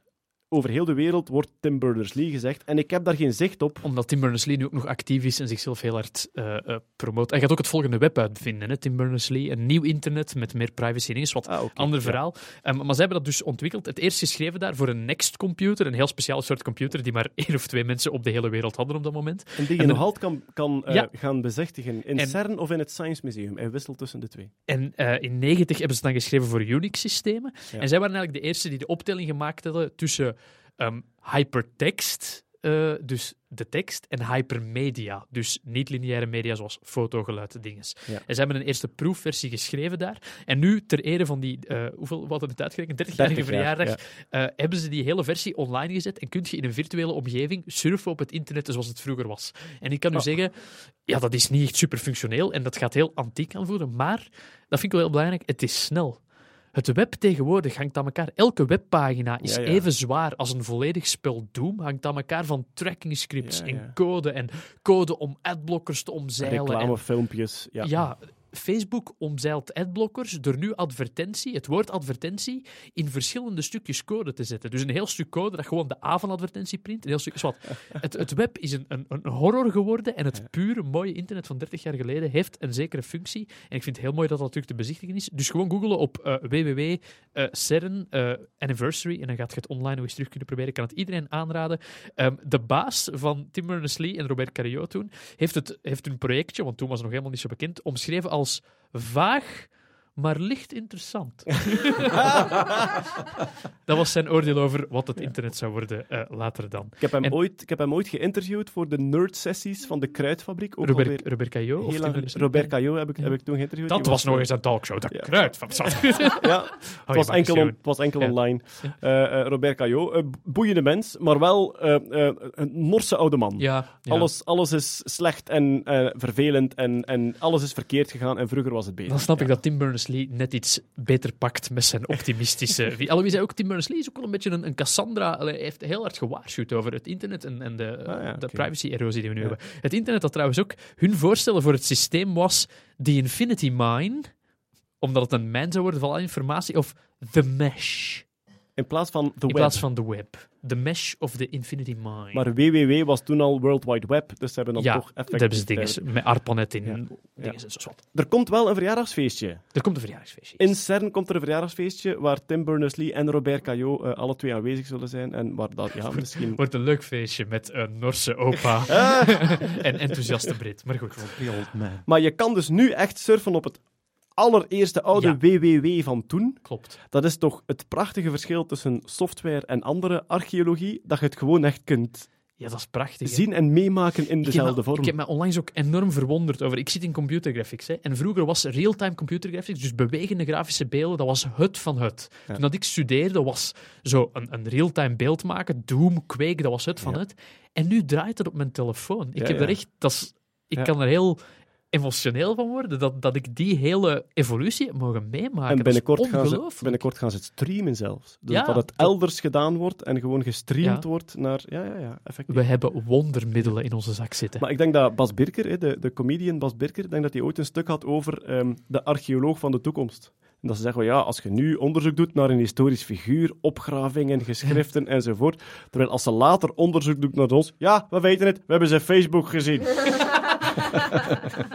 Top comedian Bas Birker. Ja, ja, ja, absoluut. We raden hem aan iedereen aan. Voor we ermee ophouden, we hadden nog één mail gekregen met een extra opmerking. We hadden het eh, vorige keer over de, de voeding van kweekvlees gehad. En toen dachten wij van, een koe eet toch gras? Je stopt daar gras in en dat vlees groeit. Nee, wat blijkt? Iemand mailt ons, eh, Dennis mailt ons. Een koe wordt eigenlijk niet gevoed door gras, maar door het microbieel eiwit van de, van de microbes die het gras opeten in haar maag. Wat? Pam, pam, pam. Dus de koe eet gras als voedsel voor de eencelligen in haar buik en dan vreet zij de eencelligen op. Ik eet ook alleen maar pizza voor de kleine mensjes in mijn maag. En voilà. Daarna... Daar meer aan koe verschillende magen heeft dat zo. Ja, ik ga eens kijken in de kamer hiernaast. ik denk, dat eten er daar daar op beter buffet is. ligt. Ja. Ze hebben, er- ze hebben voor die, je moet die microben wat verzorgen. Ze hebben daar een living en een jacuzzi. En, dat- Dat is er altijd walking dinner binnen. ja, voilà. En, en, wij, buffet en het warm. en, en wij vreten dan de koe op. Hè. Dus uiteindelijk... eh, eh, is- is- Circle of life. En als wij dood zijn, dan vreten de microben ons weer op. Voilà, zo gaat dat. Dankjewel, Dennis, voor deze aanvulling. En dan, ja, we hebben al gevraagd, hè, mo- eh, willen jullie merchandising of sponsoring? Die merchandising, daar gaan we absoluut voor gaan, want daar is echt veel vraag naar. Maar ons kennende zal dat weer eventjes duren, Ja. tot als iemand alles in gang kan steken. Wanneer dat, dat Elon Musk klaar is met zijn volgend ja. plan, zeker. Dat is enorm veel stikwerk, al die, al die Je denkt dat is een kubus, dat is gemakkelijk, hè? Van een miljard. Maar we hebben zowaar een sponsor, enfin ja, een sponsor, Hetty. Eh, Jij organiseert gewoon in hoogst eigen persoon samen met, Tom Verlinden. samen met Toon Ja. Verlinden het Sound of Science Festival, een Yes. combinatie van muziek en wetenschap. Ja. En eh, jullie, ja, jij dacht bij jezelf, hey, als er toch gesponsord wordt, dan gaan wij sponsoren met het festival. Dus wij zijn al enthousiast, wij waren daar vorig jaar. Dus vertel eens, wat kunnen de mensen verwachten en waar zijn de tickets te koop? De tickets zijn vanaf nu te koop, alleen vanaf vorige week eigenlijk, op soundofscience.be. Veel moeilijker kan het niet zijn. Wat kunnen ze verwachten? Vorig jaar was het één dag, één volledige dag. Nu hebben we er een vrijdagavond laat sessie eh, aangekoppeld, waarin de podcast live zich Deze zal voordoen. live. Ja. Vrijdagavond. Eh, en echt helemaal live, want eh, onze huisjinglist Johnny Trash die komt zijn jingles live spelen. Dus dat zal Kom, echt die man op zich is een fenomeen. Ja, Kom ja. niet kijken. Kom dat bekijken. Eh, Het zal gevolgd worden door eh, John Collins. Jullie misschien minder bekend, maar dat is de Paper Airplane Guy. Die man vouwt papieren vliegtuigjes en gooit daar wereldrecords mee. Die komt uitleggen wat de fysica achter het vouwen is en hoe je ze Enorm zover- begeesterd Ja. echt waar. Een van de meest bekeken video's op Wired, dus die laten we eh, overvliegen vanuit de States. En dan eh, ronden we eigenlijk af met een, eh, een verbijsterend stuk theater over kwantummechanica. Eh, ja, eh, Jet Propulsion Theater, dat zijn Italianen die eh, theater maken vol verwondering. En, en ja, dus echt, kom dat zien, zou ik zo zeggen. Eh, dus die tickets zijn te koop. Maar kan afzonderlijk, kan ook in combinatie met de zaterdag dan. Dan is het weer een hele dag Dit was vol. enkel de vrijdagavond. Ja, dat is enkel Oké, de ja, ja. vrijdagavond. Voordien foodtrucks, nadien DJ en cocktails. Ehm, en dan de zaterdag is het weer een volledige dag, net zoals vorig jaar. Met, ja, Nick Balthazar komt met zijn klimaatbetoog, Stijn Meuris. Ehm, zin en onzin van bio-eten. Mag je de holocaust ontkennen? Eh, toptalent Angelique van Ombergen, die onder de for- in de Forbes 30 under 30 stond. Oeh, eh, komt over haar, komt. ja, over haar Marsmissies praten. Allee, Dus Angelique, ja, dan moeten we er even bij zeggen misschien, hè, eh, hersenonderzoeker aan de Universiteit van ja, Antwerpen. zit nu bij de ESA. Bij de ESA, ja, Ja. omdat zij samen met eh, Floris Wuits, is het Floris denk ik? Ja. Ja, met, met die professor heeft zij echt onderzoek gedaan op de hersenen van net teruggekeerde astronauten Ja. uit de Ja. ruimte. Ja. Ja, juist, Ja. Ja, ja. gehad. Ja, we hebben het hierover inderdaad Ja. over gehad. Eh, Angelique komt. Eh, en ook heel veel activiteiten voor kinderen. Workshops, Arduino-workshops, botanisch tekenen. Eh, ik kan zo nog wel even doorgaan. maar- Ik doe er ook een voilà. lezingje over videogames, ik ja, net gepland zat. Ja, kinderen, inderdaad. ja. Ik, ik, ik Ja. spreek tegen kinderen over videogames. Yes. Ah, Jeroen heeft een lezing. eh, de, Lieven komt met zijn makers ook een... eh, ja, Ja. voilà, met de makers van Team Ja. Scheire komen we daar iets doen. De Dus, Peter komt met het hele entomobiel-team. Ja. Bart komt daar zuipen. voor ieder wat. Voilà. Ja, en, en eten, hè, toch ook een bezienswaardigheid. Voedsel, ja, ja, ja, voilà. Oké, kijk eens aan. Ik, denk- ja, ik, we hebben nu gewoon Ik al kan de er beste echt niet op wachten. Ja, we hebben nu het al was de vorig jaar zo, zo, zo, zo, zo leuk. Ik Ja, voilà. Kijk. En dit begint nu allemaal verdacht te worden omdat jij een sponsor bent, maar eigenlijk moeten we dat vergeten. Ik heb daar Ja. vorig jaar ook de dag van mijn leven gehad. Ja, Ja, nee, het klopt gewoon. ja, klopt, Dit is de doelgroep van wie we willen bereiken op dat festival. En, Zelfs al zou het niet organiseren, dat het organiseert, is nog gewoon de kers op de kers op de taart voor ons eigenlijk. Alright, dus wij hopen u daar te zien. Tickets op soundofscience.be en alle ticketprijzen zijn wel een pi of een Ja, priemgetal. klopt. of- Ja. Of een atoommassa, Het- het- of een valversnelling. De of- atoommassa van chroom heb ik moeten opzoeken. Chloor. Chloor, sorry. Ja, atoommassa dat van is de chloor. combi-ticket. Ja, En dus valversnelling 9,2 9,81. 9,81. En wat, dat is de prijs voor? Voor 13 tot 18-jarigen. Voor 13 tot 18-jarigen. En toen was er iemand die zei: Mag mijn kind komen voor de valversnelling van de maan? Ja, slim hè? Ja, Tof. voilà. En? Ze beginnen En? al. Mag je dat? Nee. Nee, de prijzen zijn democratisch, maar, maar het is echt... Voilà. Zeker voor kinderen, pak ze mee. Ik, Ik, kan me niet, ik kan me niet van het, het idee ontdoen, en dan zullen we stoppen, want we zijn al veel te lang bezig, sorry. Vorig jaar stond daar een, een dierenarts die een fake paardengat Ah, ja. mee had, Ja. waarop dat dierenartsen oefenen. En daar stonden kinderen die normaal bezig zijn met Fortnite en flitsende dingen en technologie, stonden aan te schuiven tot een kot in de namiddag om hun arm tot, helemaal aan de schouder in zo'n fake paardengat te steken. En ik zag dat en ik dacht, ah, En hij dacht: Dieren en scatologie. dat is wetenschap. Dit jaar, dat is, is waar ja, het om dit jaar is het met wombats, denk ik. Wat? Ik heb, eh, ik heb dat ook gedaan in dat paard. En je kunt dus echt zo voelen hè, geweldig, hè? waar, dan, waar dan de organen liggen en waar de eventuele ziektes te voelen zijn. Wonderlijk.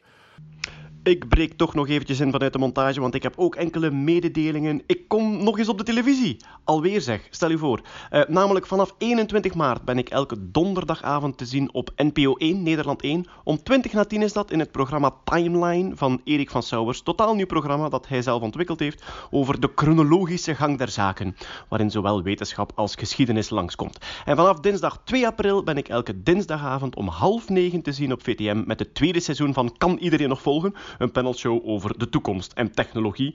Wie deze podcast hoort zal bepaalde onderwerpen sowieso wel herkennen, maar er zitten fantastische panelleden bij. Eh, We maken er een olijke boel van. En ik ben nog steeds te zien op het podium in de theaters met mijn eh, lezing, theaterlezing over DNA en menselijke genetica. Op 1 april sta ik in Amsterdam in het De La Maar Theater. Verder ben ik nog te zien in Zwolle, in Enschede en in Leeuwarden. Tickets via lievenscheire.be. Hartelijk dank aan iedereen die tot hier geluisterd heeft. Ehm, wij eh, horen u met veel plezier volgende maand weer terug. En ik bedank natuurlijk Jeroen Baar, Yay! Bart van Peer, Tot de volgende. Hè. Stefanie Degenen, die nu al naar huis is, Peter Berks Dag. en Hetty Helsmoortel. Met veel plezier. Graag tot de volgende keer. Dag. Dag.